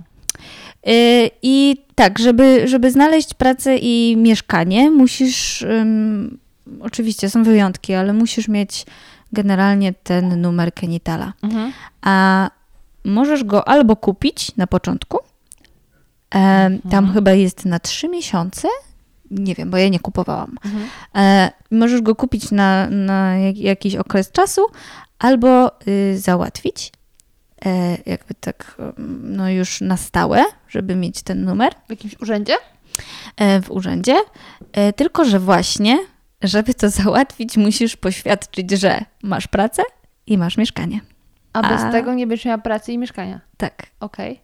Więc e, jakby przyjeżdżając na Islandię, e, musisz mieć full pakiet, bo będzie ci trudno, po prostu. Bo możesz szybko zostać bez pieniędzy, tych, z którymi przyjechałaś na początek. I jest e, kilka takich ludzi, którzy po prostu myślą, że będzie tak jak w Holandii przyjadę, pochodzę z CV i znajdę. A byłaś też w Holandii? Mój partner był i jakby e, też dużo ludzi tak po prostu robi, tak, że e, jest łatwiej w tych krajach obok nas znaleźć szybko pracę i szybko mieszkanie e, niż na Islandii. Czyli czekaj, czyli jak ty jechałaś tam, to najpierw sobie ugadałaś z kimś pracę przez internet i dopiero... Ja przyjechałam z agencją, z agencją pracy, która zapewniła mi i lot, i mieszkanie na początek, Mm, no, w sensie na czas współpracy. Mhm. Załatwiła mi mieszkanie I ty w tym czasie wystąpiłaś po ten numer? pracę. Będąc tam na miejscu? I oni też pomogli mi załatwić właśnie numer Kenitala. Okej, czyli to jest jakiś pomysł. Mhm. Bardziej niż, że przyjeżdżasz tam i zaczynasz się nagle or- organizować do życia. Tak, y, no dużo ludzi jednak mm, wraca z kwitkiem, nie? Do, do domu. Z niczym. I też e, właśnie chodzi o to, że jak już masz tą pracę, zarabiasz dużo. Jakby na, e, na polskie warunki, jakby, jakby przeliczyć to na e, polskie pieniądze, to to jest bardzo dużo pieniędzy. A bardzo dużo, jakbyśmy mogli sobie wyobrazić, pi razy okno. Nie mówię tutaj co do złotówki. Y, Wiesz co, najniższa chyba krajowa, y, też nie wiem teraz właśnie dokładnie, ale powiedzmy około 10 tysięcy złotych. Z tym, że to nie jest takie hop że zarabiasz 10 tysięcy i nie wiem, wydajesz tylko dwa. No wiadomo, bo koszty życia są wyższe. Koszty życia są bardzo duże i też em, mm, za, em, powiedzmy połowę swojej wypłaty, tej najniższej, jakby jak zaczynasz, musisz wydać na mieszkanie. Mhm. E, kolejno jakby z tej połowy dwie trzecie musisz wydać na życie Mhm. i zostaje ci coś, co możesz odłożyć. Mhm. Albo wydać na jakby to lepsze życie, e, które ja, ja tak żyłam przez pierwszy rok, bo jakby zachłysnęłam się tym, że e, teraz jestem w kraju, w którym dużo zarabiam, mogę dużo odłożyć, jeżeli się postaram. E, I przestarałam się starać, bo widziałam, że mnie stać. I wydawałam te pieniądze na przyjemności, na które nie było mnie stać w Polsce. Na przykład jakie? E, na przykład, nie wiem, no, nowy, chociażby nowy telefon. Mhm. E, Ale kupowałaś go w Polsce? no, e, No dobrze, no napędzać znaczy- naszą gospodarkę. tak, no, no dobra, tak, telefon kup, powiedzmy kupisz w Polsce, ale już co, nie, nie będziesz lecieć specjalnie do Polski, żeby kupić sobie słuchawki Bluetooth na przykład, Mhm. nie? A jednak to jest taka rzecz, która ci się przyda, ale nie jest konieczne Mhm. i sobie tak mówisz, ach, to tylko trochę, nie? I takich trochę rzeczy jest dużo i potem się łapiesz na tym, że nie, nie, nie, nie oszczędzisz jednak tych pieniędzy i tak ty, dużo jest też takich osób, które o na przykład myślą, o dobra, mam więcej pieniędzy, to sobie e, kupię lepszy alkohol. Mhm. I potem kupują ten alkohol, czy tam e, inne używki i budzą się na końcu miesiąca i tak, ej, czemu nie oszczędziłem w tym miesiącu? Okej, czyli mm, często, inaczej, czy często właśnie spotykasz się w internecie albo gdzieś tam na forach i tak dalej z taką opinią, że o, Islandia jest do dupy, bo tutaj się nie da nic zaoszczędzić, bo jest tak drogo? Tak. Zbyt często. A E, i, i myślisz, że to jest właśnie to, że ludzie po prostu nie potrafią gospodarować pieniędzmi? Tak, myślę, że to jest to właśnie, co stało się ze mną na początku, ale ja się obudziłam Mhm. później z tego. E, bo jednak zobaczyłam, że ej, nie mam tych pieniędzy, po które tu przyjechałam, nie? E, ale myślę, że właśnie ludzie mm, słysząc y, o tym w internecie czy tam u gąciarza, że tutaj tyle pieniędzy możesz zarobić, przyjeżdżają, zarabiają te pieniądze i żyją, bo mają te pieniądze, tak? I używają tych pieniędzy i em, kupują powiedzmy fajki, alkohol, co chwilę idą sobie na miasto, na downtown. W ogóle jedzenie na mieście jest super drogie. Y, Jakby mm, to, że pójdziesz sobie do sklepu, kupisz składniki i zrobisz je w domu, e, jest y, jakby normalnym kosztem życia, tak? Mhm. Ale jak już pójdziesz do restauracji, żeby zjeść, to już wydasz bardzo dużo, mm, kilkaset więcej niż jakbyś zrobiła to w domu. A to teraz będzie dygresja. Jakiego typu knajpy są na mieście? Bo pamiętam, jak byłam w Norwegii i właśnie w Oslo chciałam bardzo spróbować jakiejś lokalnej kuchni, wiesz. Myślę, o Boże, jakaś taka norweska knajpa, dupa. Po prostu nie. Oni tam mają pizzerie, mają e, różne włoskie, mają e, burgery, kuchnię azjatycką, wietnamską, jakąś tam tajską, ale nie było nic y, norweskiego, bo jak oni chcą zjeść te fishbale, y, to sobie zjedzą je w... Fish cake chyba się zwał. Y, To sobie zjedzą je w domu. A jak y, wychodzą na miasto, to chcą zjeść coś zagranicznego. I czy podobno jest w Islandii? Podobnie? Aha. E, myślę, że z Islandczykami tak, ale są też islandzkie knajpy, także to tam miło. na downtown możesz zjeść niedobrego barana. I rekina. Okej, ale to była dygresja, czyli, czyli trochę właśnie mm, panują dwa mity, myślę, takie mm, o Islandii. Pierwszy, że Boże, tam możesz tyle zarobić Eldorado mm, i to w łatwy sposób, bo wystarczy pojechać i znaleźć pracę. A drugi mit jest taki, że Islandii, na Islandii się nie da zarobić, bo jest właśnie tak drogo, że koszty życia prze- Nie, nie, może tak. Jak się. chcesz żyć na wyższym poziomie życia, może tak, Mhm. e, to ciężko jest pieniądze zaoszczędzić. To już wtedy ludzie jakby decydują się tam żyć na stałe, bo te, te koszty życia mm, są na tyle duże i chcą z, tych, z tego życia korzystać w lepszy sposób niż korzystali w Polsce, bo mają teraz na to pieniądze, no to tych pieniędzy nie ma, nie? Potem pod koniec y, na oszczędzanie. Ja teraz mówię e, oczywiście o tym, jeżeli zarabiasz te podstawowe stawki, bo jeżeli już się mm, już jesteś tam dłużej i już e, powiedzmy nauczysz się trochę języka i, e, i jesteś kimś więcej w firmie, albo masz po prostu lepszy, w lepszej firmie, nie wiem, to te pieniądze już masz wyższe, albo po prostu dłużej pracujesz, bo, bo co roku masz prawo do podwyżki. Super. Musisz sama dopilnować tego, żeby, żeby tę podwyżkę dostać, jakby upomnieć się o nią, ale ci się należy. Ale to jest super. A nie, że po 10 latach idziesz do szefa, prosisz o podwyżkę i mówi, jak się nie podoba, to sobie poszukaj innej pracy. No. Chociaż nie wiem, czy. No to tak, to jest fajne, ale też spotkałam się z tym, że ktoś pracował długo, ale nieefektywnie. Efektywnie. Efektywnie. Jakby niewiele w pracy robił, ale po prostu w niej długo był. Jakby długo lat tam pracuje, więc mu się należy, a ci, którzy jakby są krócej, powiedzmy, zapieprzają mocniej, y, nie mają tych pieniędzy, nie? No ale to tak, no, wszędzie można to wykorzystać na różne Ale tak, sposoby. to jest, to jest fajne, że, że jakby ta podwyżka ci się należy i nigdy nie mogą ci dać pieniędzy mniej. Jak już jedną stawkę dostajesz, nie mogą ci jej zmniejszyć. Fajnie. Mogą cię zwolnić. Mogą cię zwolnić no zawsze. ale Dobra, ale powiedz zmniejszyć. mi, to jakie prace zwykle wykonują Polacy? I jak się tam na nich patrzy pod kątem właśnie... W ogóle też nie powiedzieliśmy tego, że Polaków jest bardzo dużo, A właśnie, nie powiedzieliśmy tego. e, bo jesteśmy największą mniejszością narodową.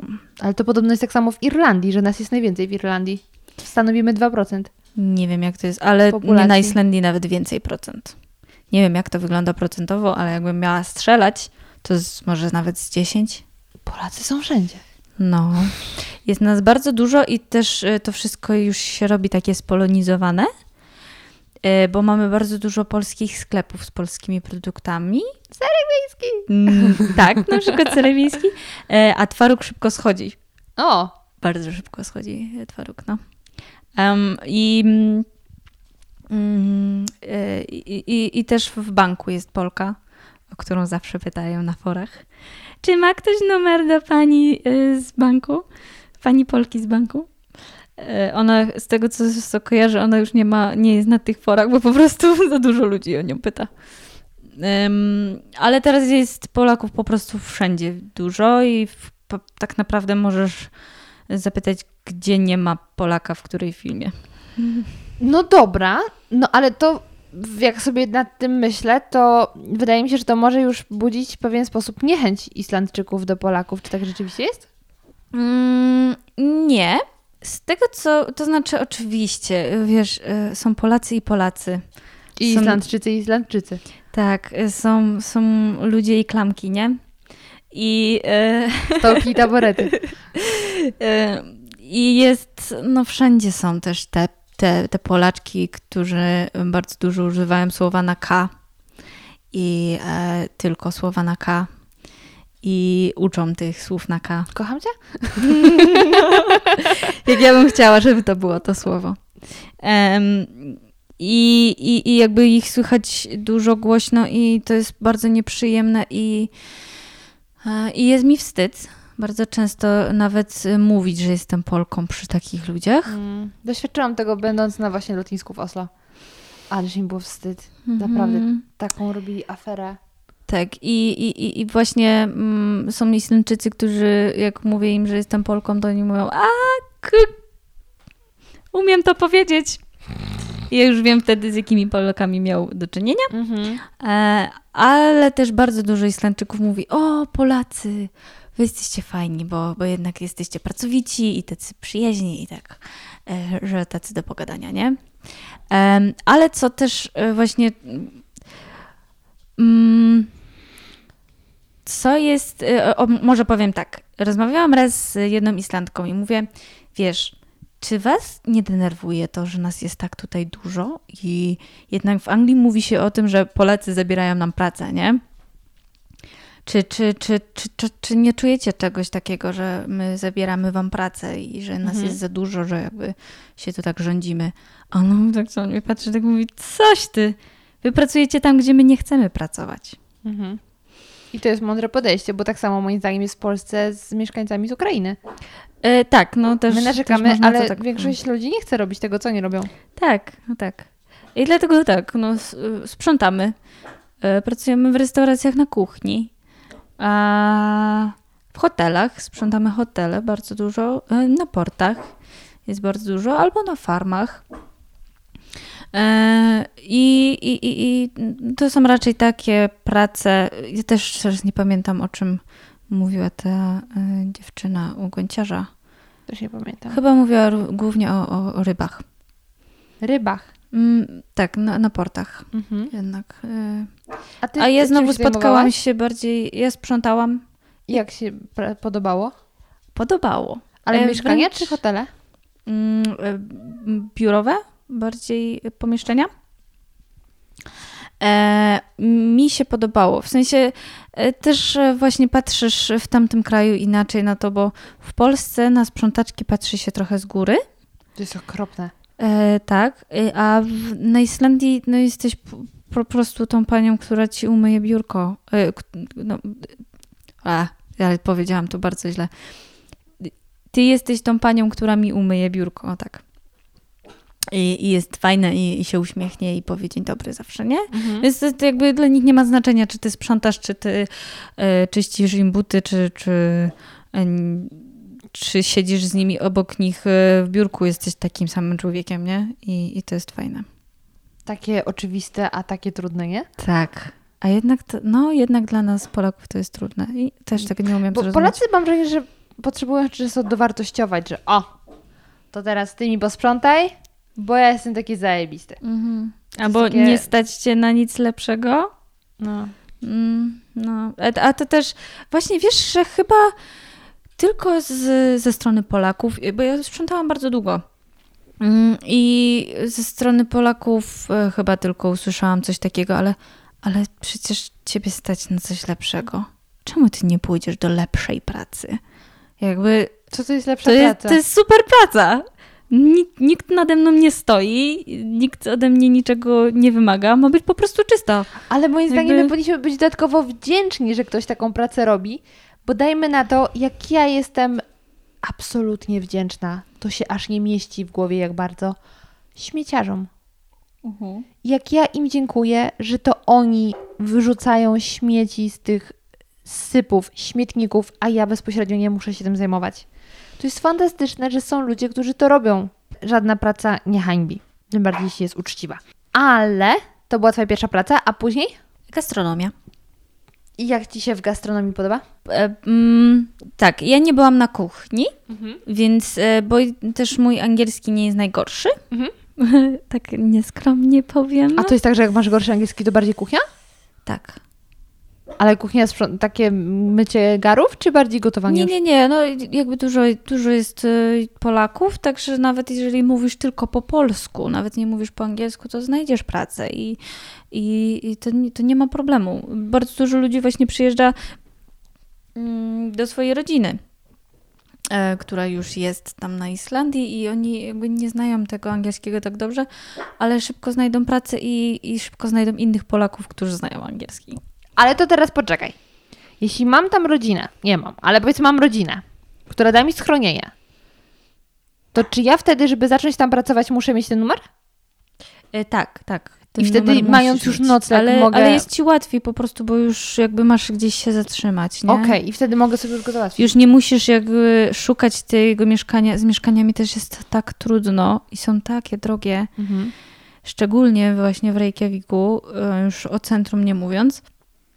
E, I jest bardzo ciężko o mieszkania, bo ich nie ma, dlatego bardzo dużo obcokrajowców mieszka w piwnicach. Mhm. E, mieszk- e, piwnice są aranżowane na mieszkania i, i ludzie je wynajmują za ojej pieniądze. Mhm. Dobry interes, żeby sobie dorobić. Tak, i dlatego jak pojawia się jakieś w miarę dobre mieszkanie, w, w miarę dobrej cenie, to jest bardzo dużo chętnych i, i to jest taki wręcz, więc wręcz taki syp ludzi i, i, i, są castingi. I... Czyli jak ktoś ma grube pieniądze i nie wie, co z nimi zrobić, to niech zainwestuje w mieszkania na Islandii i później je wynajmuje. Uuu, tak, ale y, to też są grubsze pieniądze niż ci się może wydawać. No domyślam się, że to nie jest tak, że wygrasz milion w milionerach i kupisz mieszkanie, tylko jak naprawdę masz grubo hajsu, to wtedy możesz sobie kupić. No ale okej, y, no to przez to, że ty mm, znasz angielski, to pracujesz jak gdyby jako kelnerka. na serwisie. Nie lubię słowa kelnerka. E, Pracuję na serwisie, na obsłudze e, klientów. Bo jednak e, kelnerka kojarzy mi się z taką panią, która przydzieli ci stolik, później podejdzie do tego stolika, da ci menu e, i przyniesie ci jedzenie do tego stolika i mm, możesz ją zawołać na paluszki, nie? Czy ktokolwiek tak robi? Nie wiem, ale tak mi się to kojarzy. Mam nadzieję, że nie to jest tak Eee. złe. Albo wręcz gwizdem. Ojej. Mhm. Nie umiem sobie nawet tego wyobrazić. Em, a ja jednak przyjmuję najpierw zamówienie przy kasie. Mhm. Człowiek sobie sam siada i ja mu tylko przynoszę jedzenie i zabieram, gdy on już pójdzie. Jakby zabieram, y, mm, czyszczę stolik, kiedy on już pójdzie. Więc jakby jak on coś chce, to musi przyjść do mnie, nie ja do niego. Okej, no to taka drobna różnica, ale jeśli lepiej się czujesz, jeśli to nie jest kelnerka, to jak najbardziej możesz się trzymać tego, że to nie jest kelnerka. Yy, no dobra, no to powiedz mi, jak gdyby, jak długo jeszcze planujesz tam być? I czy planujesz tam na przykład, widzisz siebie tam na stałe? Mm, nie widzę siebie tam na stałe, bo e, jakby to też jest takie właśnie bardzo prywatna rzecz, ale e, na przykład nie chciałabym, e, żeby moje dzieci były wychowywane z islandzkimi dziećmi, bo jednak islandzkie dzieci są bardzo rozpieszczone. O i tak bardzo, bardzo są rozpieszczone. I e, wręcz im wszystko wolno. No nie wolno im jeść. Ale to, to, to tylko z względów wychowawczych. E, Wiesz co, ym, i oni, dzieci mają w ogóle większe prawa niż dorośli na Islandii. I co się też ostatnio dowiedziałam, co mnie przeraziło, że jeżeli dziecko y, zrobi coś wbrew prawu, Mhm. już tam nie mówiąc o takich e, grubych rzeczach, ale zrobi coś wbrew prawu, to rodzic za to odpowiada, nigdy dziecko. E, czyli na przykład e, nie, wie, nie, nie ma czegoś takiego jak poprawczak. E, I em, chociażby, nie wiem, em, ja też rozmawiałam o tym z islandzką i mówię, e, jak, ale jak to? Czy, czy dziecko nie ma żadnych konsekwencji z tego? Żadnych. Czyli rodzic ma z tego konsekwencje. Tak. Dobrze, a jeżeli to dziecko by na przykład skrzywdziło drugiego człowieka, albo wręcz zabiło drugiego człowieka, ona tak na mnie spojrzała i mówi, ale, ale to jest Islandia. Jakby dla nich to, no, to nie, nie ma czegoś takiego, że ktoś kogoś zabije z, z jakiegokolwiek powodu. Wręcz e, raz policja była e, na jakimś tam evencie, chyba biegu. Policja miała broń. Mhm. Islandczycy poczuli, e, byli oburzeni, że policja chodzi z bronią, Mhm. bo jak to, to znaczy, że jest niebezpiecznie? Mhm. U nich nie ma niebezpiecznie. Ale wiesz co z tym, mm, że rodzic ponosi odpowiedzialność za dziecko? No ja to trochę rozumiem. Też pytanie, do którego roku życia w kontekście Islandii. Bo sobie wyobrażam, że tam takiej szerszej patologii nie ma. Więc to, co dziecko małego może nabroić, typu zbić szybę, no to logiczne odpowiada rodzic, a nie dziecko, no bo nie wsadzisz dzieciaka za to do poprawczaka. Tak, ale jeżeli mm, A większe rzeczy... okradnie, jeżeli e, chociażby pobije się, bo, bo coś... e, No ale jak się pobije, no to no też nie wsadzisz dzieciaka do poprawczaka. No nie, ale jednak ma rzeczy- jakieś, jakąś tam odpowiedzialność. Nie wiem, myślę, że... Wiesz, jeśli dostanie odpowiedzialność typu mm, kuratora, to i tak jest moim zdaniem większy problem dla rodziców niż dla tego dziecka. Oczywiście, ale jednak on jest obciążony jakoś. Wiesz, to wydaje mi się, że rodzice mogą to później w domu rozegrać. Że on odczuje, ale że czy- narozrabiał. Nie, nie wiem, czy to zrobią właśnie tak. e, No to już pytanie, jak to Mm. robią wewnętrznie, bo no. moim zdaniem i tak większość rzeczy, które się niby każe dziecko, każe się rodziców. Bo, a poprawczak i tak jest słabą sytuacją, e, która też obciąża całą rodzinę. I oczywiście są przypadki, kiedy, bo też tak jak mówię, nie wiem do którego roku życia to obowiązuje. Jeśli do 16, 18 to jest przegięcie. No Ale myślę, że jeśli- gdzieś tak. No. Jeśli do na przykład 12 to rozumiem. Nie, tam oczywiście za małe dzieci, oczywiście, że odpowiadasz, bo to też jakby nie myśli z, do Aż tak. końca racjonalnie. Mhm. Jezus, ale to, to nie myśli racjonalnie. Ty, No ale to, no, to No tak. dziecko. No tak. Ym, em, ale ale nie, właśnie nie wiem, czy doprecyzowałam to wtedy w tej rozmowie z nią, ale, ale wydaje mi się, że jej chodziło, że tak już całkiem, dopóki nie, nie masz tego Pełnoletność takiej. typu pełnoletności. Mhm. No. Mm. Ale dobra, i to tylko kwestia, że nie chciałabyś, żeby twoje dzieci tam dorastały, to jest kwestia tego, czy, czy jednak nie czujesz się tam Em, komfortowo? No jednak wiesz, tęsknota za ojczyzną. Oczywiście, ale myślę, że będziemy będziem tam długo. Mhm. Dlatego właśnie, że jest spokój. Ale też pod kątem takim zarobkowym? Czy spokój w ogóle taki chill out? Taki chill out, tak. Takie właśnie, kurczę, nie, nie boisz się, że, że za chwilę nie masz pieniędzy na Mhm. przykład, nie? Bo ja jednak tego doznałam tu w Polsce, że ta wypłata była tak niska, że jak wystarczyło, że sobie kupiłam bluzę i nagle mi się coś zepsuło w samochodzie, to już liczyłam, czy w ogóle starczy mi jedzenia. Mhm.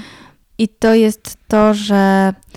e, No i właśnie też to, że nikt się tam nie spieszy, nikt cię nie będzie poganiał niepotrzebnie. Oczywiście, jak, jak coś się dzieje, jak- jakby powiedzmy u mnie w, w restauracji, coś się dzieje, bo, bo jest ruch, to oczywiście będą cię zmuszać do tego, żebyś se. To, to był teraz taki. em, ty- em, chciałam przeklnąć. mnie, mnie fajnie uciszyła. E, tak, że, żebyś, żebyś szybciej, szybciej pracowała. No ale to wiadomo, takie no, codzienne sytuacje. Ale to jest nie? normalne, jakby tak. Ale jeżeli powiedzmy pracujesz e, w miejscu, w którym no jakby nic nie musi być na tu i teraz, to nie musi być na to i teraz. Ale zastanawiam się, kiedy poczujesz, że to już jest ten moment, żeby wrócić? I czy taki moment w ogóle nastanie, bo wiesz, że po powrocie do Polski po pe- w pewnym stopniu chyba na nowo będziesz musiała budować swoją jakąś ścieżkę kariery Tak. i nigdy nie dostaniesz takich wynagrodzeń za jakieś podstawowe zajęcia, których też myślę, no trudniej byłoby znaleźć, no bo u nas też te zadania wykonują inni ludzie z innych E, krajów często. Tak, wiesz co, mm, to jest właśnie ten problem i chyba ostatnio też to było poruszone w, na grupie y, Polacy na Islandii, Mhm. y, że co potem, Mhm. co jak chcesz wrócić. E, I mm, no jednak ktoś tam napisał, miał dużo racji, że jeżeli chcesz wrócić i nie masz konkretnego planu, powiedzmy nie masz e, planu założyć swojej firmy albo nie wiem, kupić mieszkania i go zacząć wynajmować, żeby mieć jakby dochód pasywny. Mm, Po prostu jak nie masz jakiegoś planu i wracasz do Polski, to szybko wrócisz na Islandię Mhm.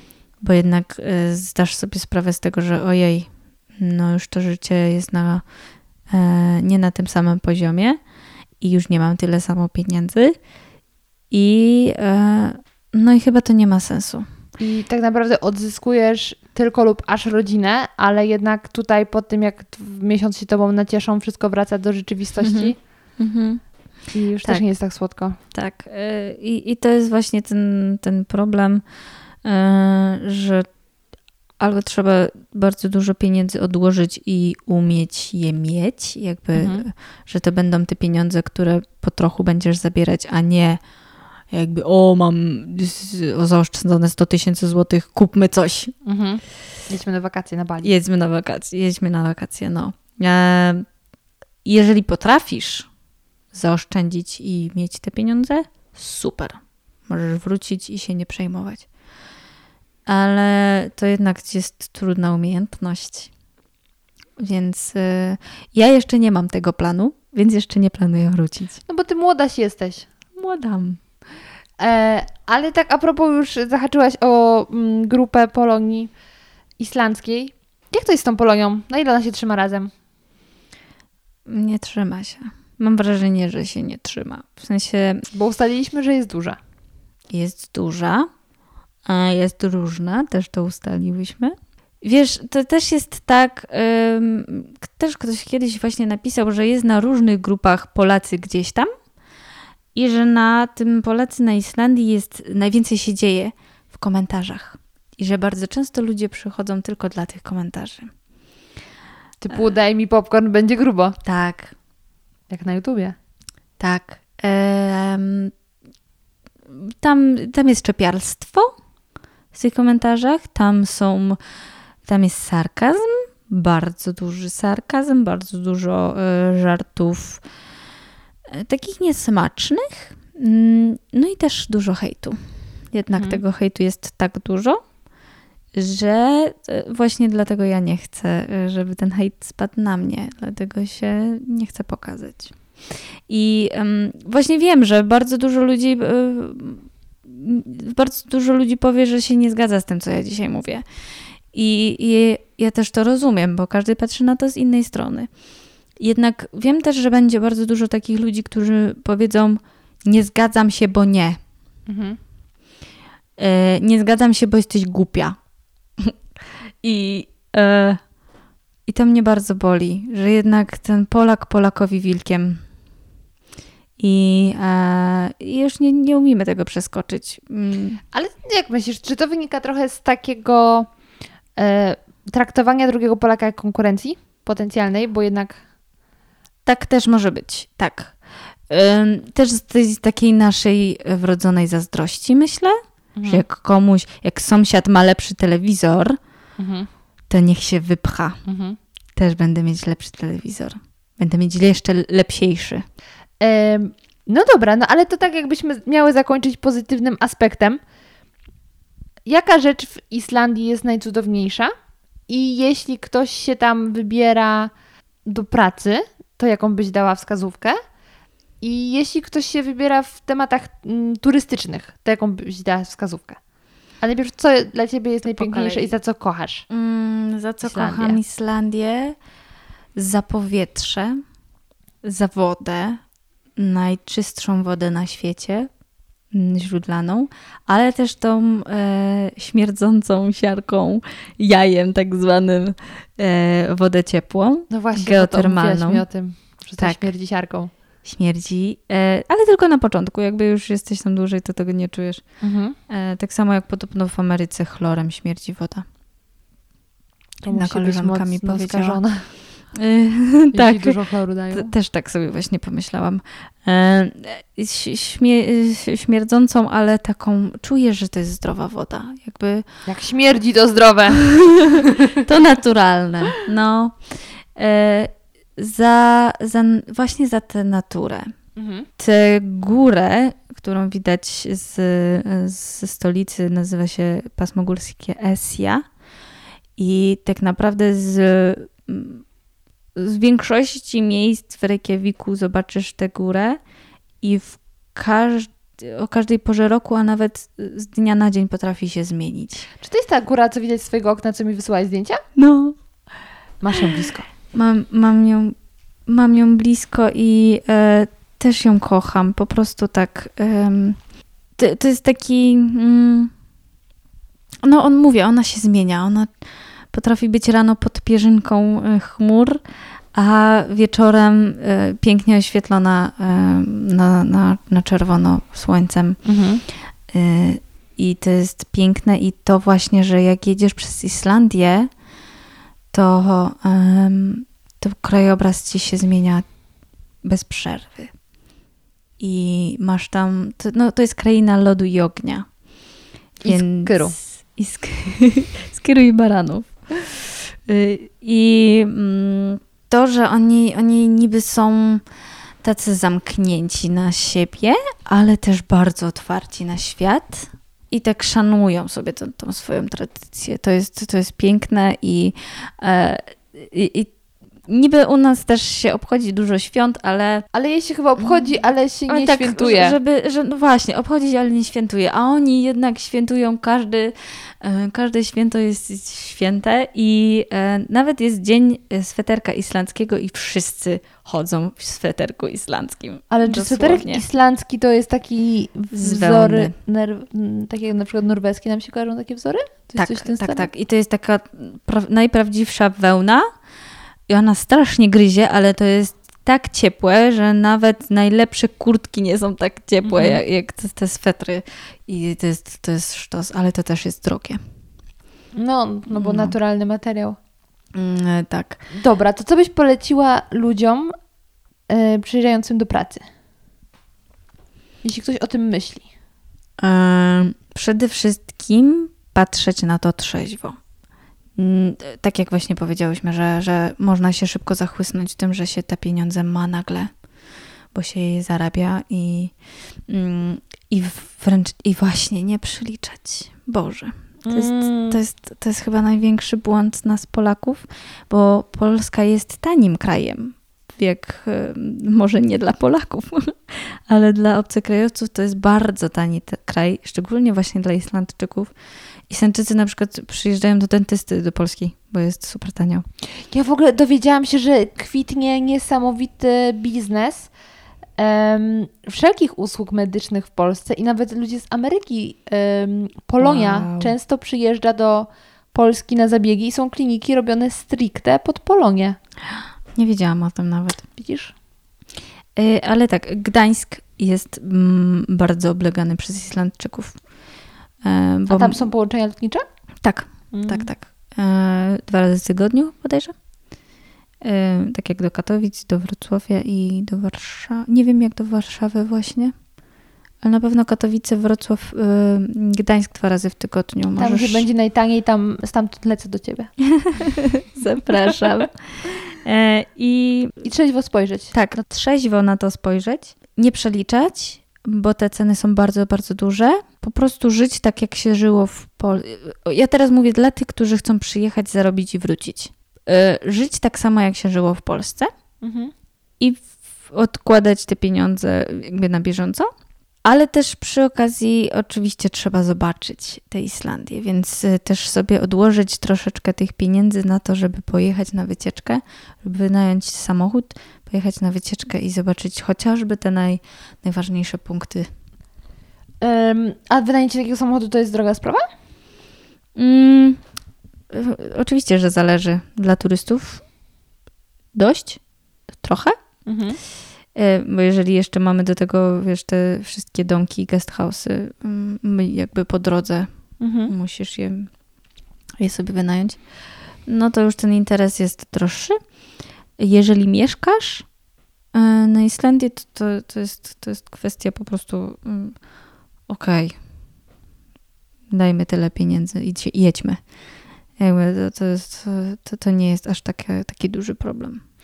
Y, A jeśli chodzi o turystów, zanim powiesz wskazówkę jakąś, to mm, ja kiedyś słyszałam, że Islandia w ogóle wprowadza ograniczenia co do ludzi przyjmujących w ramach wycieczek. Nie wiem, czy to jest prawda, że chcą ograniczyć liczbę turystów, żeby właśnie nie niszczyli tego ekosystemu naturalnego? U, nie, nie słyszałam o tym, ale wiem, że jest ym, y, jakby dużo miejsc, których, które kiedyś były dzikie, są teraz y, mm, zrobione na nich ścieżki. e, Żeby ludzie nie spadali. Żeby ludzie, nie, nie, nie, żeby ludzie po prostu chodzili tylko tam, gdzie powinni i Mhm. nie chodzili jakby byle jak. Żeby chodzili po tych ścieżkach, y, nie przekraczali barierek e, i oglądali tylko, a nie właśnie po tym chodzili. Mhm. E, To wiem, że, że właśnie muszą jakby dostosowywać więcej miejsc pod turystów, bo e, są te miejsca bardziej popularne. E, Ale żeby jakoś ograniczali, nie wiem. Nie jestem też w turystycznym. No to, to pewnie też nie jest turystycznej branży. temat, bo gdyby tak było, to doszłoby pewnie do, do siebie. Ale dobra, no to jeśli ktoś planuje wycieczkę do Islandii, to co byś mu poradziła? e, Wziąć dużo pieniążków. Konserwy z domu. e, No, ko- konserwy z domu. Em, em, Nirwana poleca pasztet. Em, Przede wszystkim e, tak, pojechać tam, gdzie jeżdżą wszyscy. Może to jest głupie, ale to naprawdę są najlepsze miejsca.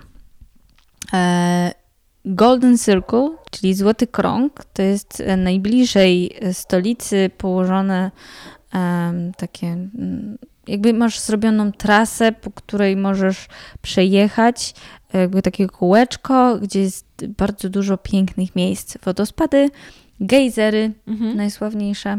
Co jest jeszcze na Golden Circle? Teraz muszę się zastanowić. E, głównie wodospady, ale takie e, wow, takie naprawdę wow, że Ja właśnie widziałam na tych Mm. filmikach u kumpeli. Robi wrażenie. jeden mm, Gulfos to jest e, jak się, nie, jak się nie mylę, Gulfos to jest w dosłownym tłu- tłumaczeniu złoty wodospad. Mhm.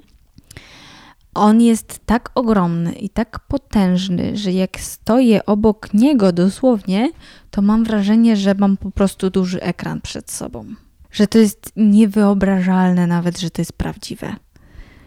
Yy, I ja lubię też tam wracać. I to jest yy, po prostu coś, coś co za, za, zapiera dech w piersi. I, I na pewno Golden Circle trzeba zobaczyć, mimo tego, że jest tam dużo turystów. To warto, naprawdę A warto. o jakiej porze roku polecasz przyjechać? Y, żeby tak w pełni skorzystać, jakby za, za, za jednym razem w pełni chcesz skorzystać z Islandii, to najlepiej powiedzmy pod koniec y, wakacji, we wrzesień, październik, może A jest początek już zimno? Jest, na Islandii ogólnie jest zimno, więc to i tak musisz się ubrać ciepło i zabrać grube buty, e, czy latem, czy zimą. E, ale wtedy możesz skorzystać jakby z pełnego pakietu Islandii, czyli All inclusive. all inclusive, czyli i zobaczysz te najpiękniejsze miejsca turystyczne w ciągu dnia, a w nocy zobaczysz, prawdopodobnie zobaczysz zorze. No właśnie, miałam Cię jeszcze o to pytać. Mm, My jak gdzieś tak rozmawiałyśmy na początku lutego, w Polsce było szaro i u Ciebie było szaro i Ty właśnie mówiłaś, że walczysz z, z tą taką jesienną deprechą, jesienno-zimową islandzką. w lutym, no. jak to się walczy? już. I czy Islandczycy mają taką deprechę? Czy oni w ogóle są Ach jeszcze... nie, oni mają w ogóle to gdzieś. Jakby nawet jak im mówię, y, pytają się mnie, jak ci się podoba na Islandii? Ja mówię, świetnie, tylko że pogoda jest do kitu. A, ale jak to? Y, No, no, bo, no bo jednak wieje. No i co z tego, że wieje?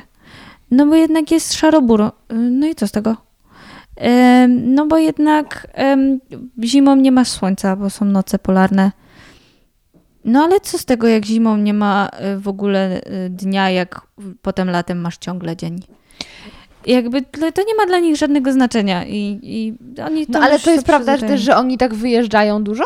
Robią parę razy w roku wakacje gdzieś za granicą? E, Nie wiem, czy. e, Bo ktoś mi na początku, jak przyjeżdżałam, powiedział, że, że oni jakby mają, e, że oni muszą jechać na te Tak. wakacje. Ale ja nie wiem, czy to tak, taka jest prawda, czy po prostu oni, oni chcą, bo jednak tego słońca tam nie ma i te, tej witaminy D, D też nie ma i Mhm. Y, muszą ją skądś wziąć. Muszą. Czasem. O, tak, to też, oczywiście, że mm, suplementują, ale nie ma to jak słoneczko. Ty, ale jak wyglądają te noce polarne w praktyce? Naprawdę ciągle jest noc? No. I, i, W sensie w samym Reykjaviku tego tak, mm, w sensie nie jest aż tak ciemno, bo jednak tam przez tą dwunastą już się jakby rozjaśnia, ale za chwilę znowu się robi ciemniej.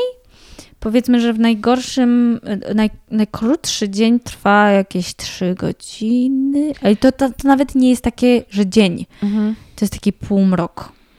E, A znowu podobno ci, którzy mieszkają w tych osadach, wioskach, mm, czy tam już miasteczkach, które są między górami, to u nich jakby nie ma szans to słońce nawet z gór wyjść. Więc u nisko. nich ciągle jest ciemno. Ale wiesz, ja nawet sobie tak wyobrażam, czy może być taka sytuacja, że nie wiem, komuś e, rozładowały się baterie w zegarku i nie było prądu i w ogóle, wiesz, nie ma elektryczności i nagle się budzi i myśli, cholera, która jest godzina?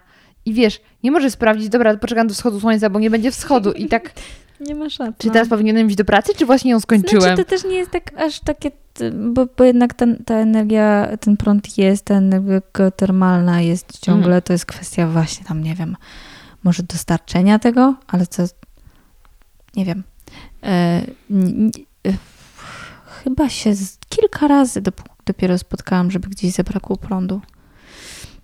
Mm, ale, mm, ale no tak, no to jest ciężko oszacować. y, Jaka jest pora jak, jaki mamy, jakim, jaką mamy godzinę i nawet Czy już jest kolejny dzień? Wiesz, czasem jest tak, że w Polsce budzisz się na kacu i patrzysz na godzinę i tak jest pierwsza, to popatrzysz za okno, czy jest pierwsza w nocy, czy jest pierwsza na, y, w ciągu dnia.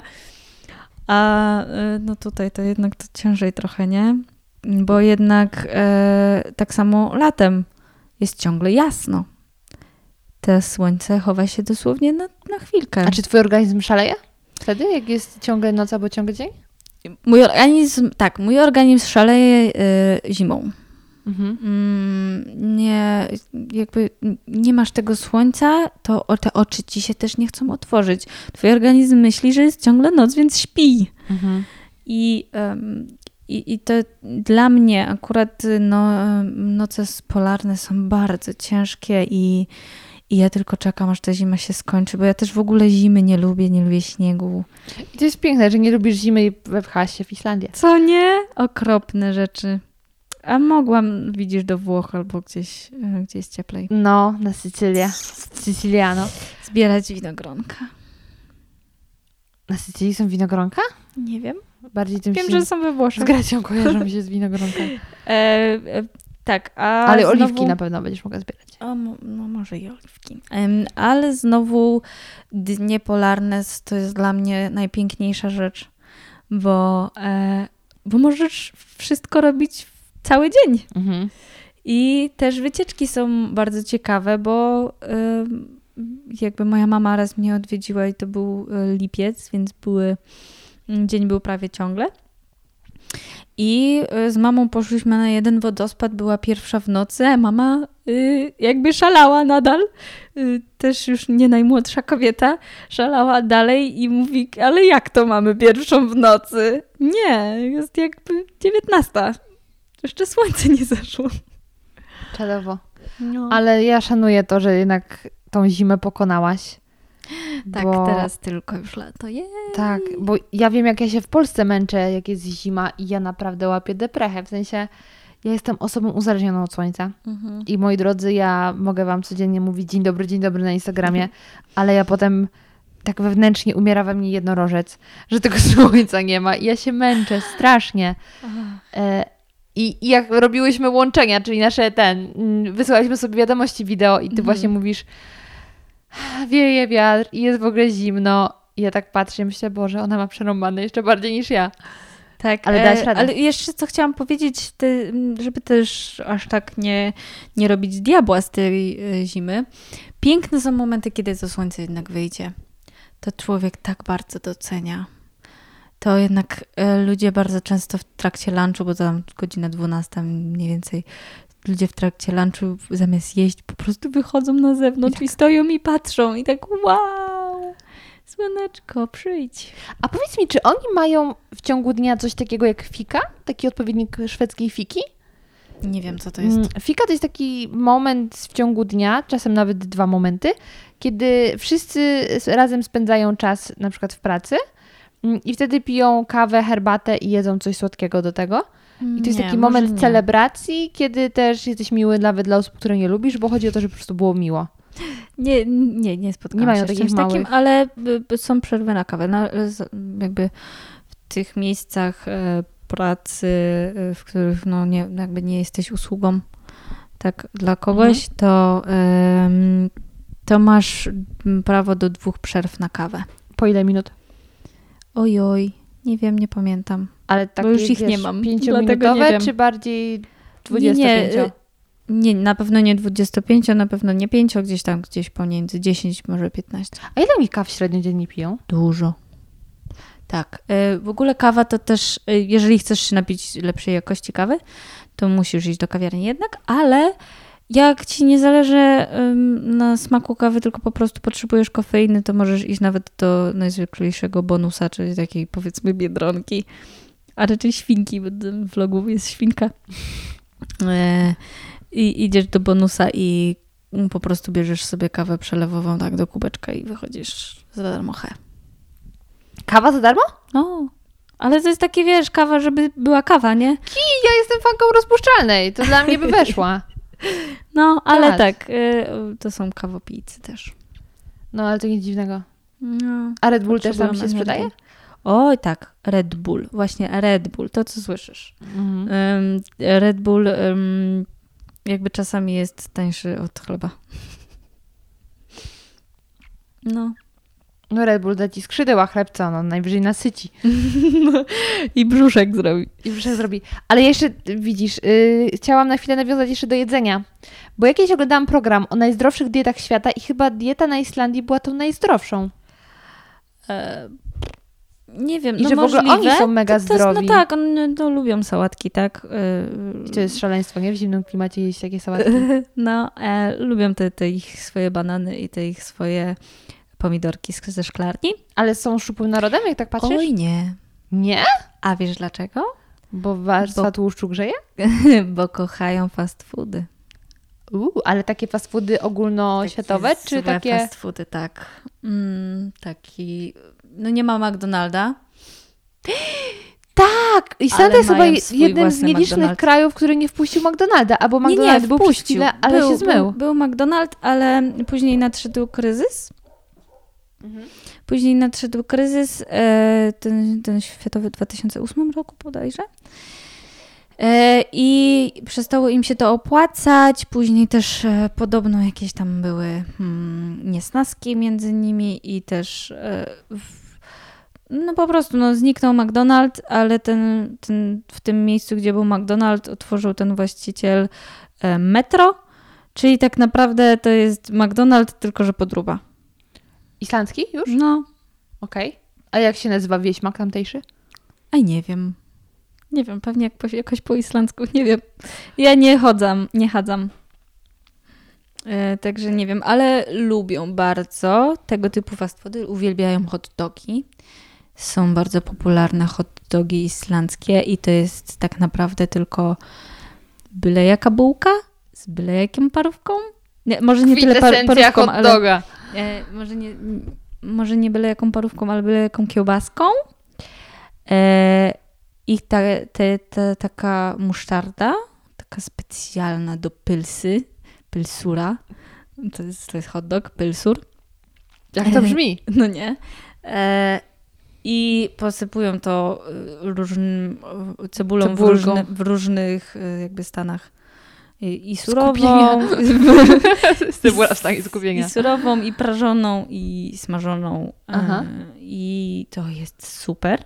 Ale jeżeli mam polecić, to lepiej iść do em, zwykłego sklepu, nazywa się 1011 i tam zjeść e, pylsę, e, a nie iść do tych takich sławnych budek z hot dogami, bo tam bardzo często panie po prostu same ci dadzą, ile uważają, że jest słuszne, a jednak w tym Jest pewien Yy, standard. nie, nie, a jednak w, w tej sieciówce, w tym, w tym sklepie, jakby w tym mar- markecie, możesz sobie sama nałożyć cebulki ile chcesz. A, ty I też jest, i też jest taniej. Mhm. Na są, bułka i, więc- i, i pewnie mięcho podobne.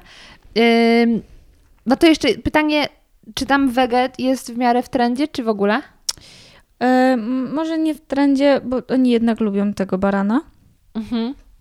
Mm, oni lubią tego barana i. E, ale nie jest też tak, że jak jesteś weganką, to nie zjesz. Mhm. Jakby znajdziesz bardzo dużo miejsc, w których zjesz wegańsko. I już ostatnie pytanie. Co warto sobie przywieźć z Islandii? Na pewno nie piasek, bo nie wolno. A ktoś wpadł na to, żeby przywieźć piasek? Tak, wszyscy biorą piasek, Czemu? Nad Bałtykiem też jest. bo tam jest czarny. Uuu. A to mi zaimponowałaś. Bo, no, jest tylko jedna plaża ze sztucznym jakby mm, na, na, na, nawio- nawożonym, Nawieziony. nawiezionym, Mhm. nawiedzonym, Nawiedzony piasek. y, żółtym piaskiem i to jest, y, tam, tam jest, um, też ostatnio o tym czytałam, jak to w ogóle powstało, ale to jest y, plaża stworzona specjalnie jakby mm, obok Reykjaviku, żeby, y, żeby te, te wody geotermalne skupić i, i mieć plażę przy okazji. Y, Ale to, to jest takie miejsce e, sztuczne jakby, a pla, plaża jako plaża jest czarna. Mhm. I jest takie bardzo sławne miejsce mm, na czarnej plaży, gdzie właśnie było kręcone mm, kilka filmów, czy tam seriali. E, I to jest też takie bardzo, bardzo turystyczne miejsce. E, Ach, jeszcze o czym nie powiedziałam, bo się pytałaś mnie, co warto jako turysta. Mhm. Y, Warto też czasem zboczyć z drogi i iść za intuicją, bo na pewno znajdziesz coś, czego y, te turystyczne przewodniki ci nie powiedzą, o czym ci nie powiedzą. E, I przede wszystkim e, znaleźć miejsca e, dzikie, geotermalne. E, Jak na przykład e, gorącą rzekę, która też jest niedaleko Reykjaviku. I po prostu możesz kąpać się w rzece, najzwyklejszej rzece, która ma 40 stopni ciep- ciepła. 40 stopni ciepła. Weszłabym. E, tak, to, która jest po prostu gorącą rzeką. Mhm. Y, Albo po prostu jakieś zbiorniki takie wyłożone z ciepłą wodą.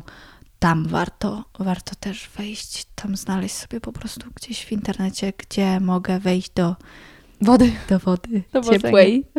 Dobra, no ale co jeszcze warto przywieźć? Poza tym, że nie wolno A piasku. co warto przywieźć? Em, wiesz co, nie wiem, bo ja też nie, y, nie lubię tak patrzeć pod tym względem mm, jakby kupujesz, no co, magnes? Jakby Nie, to- ale to bardziej na takiej zasadzie, że mm, jak byłam na tej w w Oslo, to uwaga, przywiozłam sobie takie ciasteczka rybne. Aha, i o takie rzeczy sobie ser, y, który smakował karmelem. karmelem. Mhm. Warto spróbować em, to są takie jakby chipsy z ryby. To jest naj, y, po prostu ryba tylko wysuszona Mhm. i to są takie, takie mm, dla mnie to smakuje jak mm, chipsy kukurydziane z posmakiem ryby. Hmm. I to jest naprawdę bardzo dobre i też to kupisz w każdym sklepie. Mm. A też jak, jak dobrze zboczysz z drogi, to zobaczysz jak te ryby się suszy. E, Bo, bo one się suszą tak na powietrzu. Mhm. I, em, em, co warto jeszcze? Breloczek. Breloczek, Ja e, runy. Runy, Tak. tak. e, Runy są bardzo popularne, więc coś z runami, coś, e, co macie chronić przed złą energią lub prowadzić cię przez życie. To, to są może takie właśnie mm, kwestie wiary i tam mm, jakby, jakby swoje, swojego prze, przekonania własnego, ale e, jakby mile jest mieć coś, co mówi, że cię chroni. Albo E, w ogóle przypomina o kimś. Albo o czymś. Tak, tak, I tak. moja runa już teraz przypomina mi o tobie, a O. dodatkowo o elfach, także idealnie. O elfach. To jeszcze i o trollach. I o trollach. Trolle są, trolle są duże.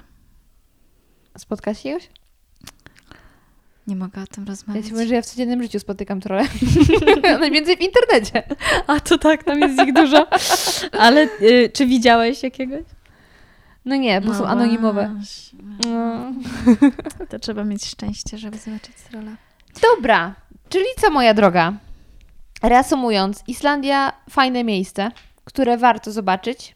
Warto też tam pracować, ale mieć na uwadze, że nie jest aż tak kolorowo czasami, jak się mówi. Mhm. E, albo też jest kolorowo, tylko e, to, co my zrobimy z tymi pieniędzmi w dużej mierze jednak zależy od nas. Trzeba mieć głowę na karku po prostu. I wskazówka dla wszystkich, niezależnie gdzie, e, czy niezależnie czy są tylko na Islandii. Mm, Drodzy Polacy, bądźmy dla siebie mili. Ja wiem, że słuchają mnie osoby w Australii, w USA, w Wietnamie, w Korei. Jak spotkacie drugiego Polaka, no to bądźcie dla niego jednak opoką, wsparciem, a nie wrogiem. Ja chciałam Taki jeszcze tylko powiedzieć, że jak już uczymy e, jakichś polskich słów, to niech to nie będą przekleństwa. Ja bym uczyła Oj. dzień dobry, dzień dobry. Dzień dobry. I jest właśnie y, jedna dziewczyna, która mnie słucha w Korei, która swojego męża Koreańczyka nauczyła już dzień dobry, dzień dobry. Wspaniale. Można? Można. Także challenge dla Was, jak spotkacie y, obcokrajowca, uczcie go dzień dobry, dzień dobry. Dziękuję. I kocham cię. I kocham K. Cię. Chociaż z tym kocham Cię to też tak ostrożnie, bo jeśli nagle jakiś obcokrajowiec wskoczy Ci i powie kocham Cię, to będzie takie what? A No. wiesz co, nie, jak wiesz, że to jest obcokrajowiec i mówi do ciebie w obcym języku i nagle powie kocham cię, to jednak ci się uśmiechniesz. Chyba, że jesteś w Egipcie i oni tam już, wiesz... Nie no byłam nie. w Egipcie. Aha, okej. Ja, e, ja raczej do góry. No Teraz. tak, za ciepło w Egipcie. Moja droga, bardzo Ci dziękuję i Ja mam nadzieję, również. że będę miała kiedyś przyjemność odwiedzić Cię na Islandii. Że dziękuję. Również jeszcze raz zapraszam i zapraszam wszystkich tak naprawdę na Islandię, bo to jest planeta warta zobaczenia. I mają pizzę z daktylami. To swoją drogą. I jak wrażenia? Jestem bardzo ciekawa, czy kiedykolwiek byliście na Islandii, czy zgadzacie się z rzeczami, o których rozmawiałyśmy, czy może dopiero planujecie wyjazd i niektóre z tych wskazówek okażą się dla Was pomocne. Jeżeli podobał Ci się ten odcinek i nie wyobrażasz sobie już poniedziałków bez podcastu radioaktywnego, to pamiętaj, że możesz mnie wesprzeć na dwa sposoby. Pierwszy z nich to powiedzenie o podcaście swoim znajomym. Niech oni również po pierwsze dowiedzą się, czym są podcasty, a po drugie niech oni również uzależnią się od co poniedziałkowego Dzień dobry, dzień dobry! Drugi z kolei sposób, jak mnie wesprzeć, to zostanie patronem na stronie patronite.pl ukośnik zmacznego. Jest to już takie bardziej wymierne wsparcie i to właśnie dzięki niemu mogę jeździć i nagrywać kolejne podcasty, bo na przykład dzisiejszy odcinek nagrywałam na Śląsku, co wiązało się z wyjazdem. No i wyjazdy niestety kosztują, paliwo również. Także dzięki Wam, dzięki Waszemu wsparciu mogę jeździć i nagrywać, a uwierzcie mi, że poza Warszawą, w której na co dzień stacjonuję i dotychczas tam nagrywałam, jest masa niesamowitych ludzi, z którymi chciałabym się spotkać i nagrać podcast dla Was, bo jestem przekonana, że bardzo wiele wyniesiecie z informacji, z wiedzy, którą mają moi goście i mogliby oni ją Wam przekazać w podcastach. Pamiętaj, że jestem dostępna na Instagramie zmaczne.go, a także na Facebooku podcast radioaktywny ukośnik zmacznego. Tam mnie znajdziesz, tam możesz do mnie napisać i się ze mną skontaktować. I to tyle. Bardzo dziękuję i do usłyszenia już niedługo.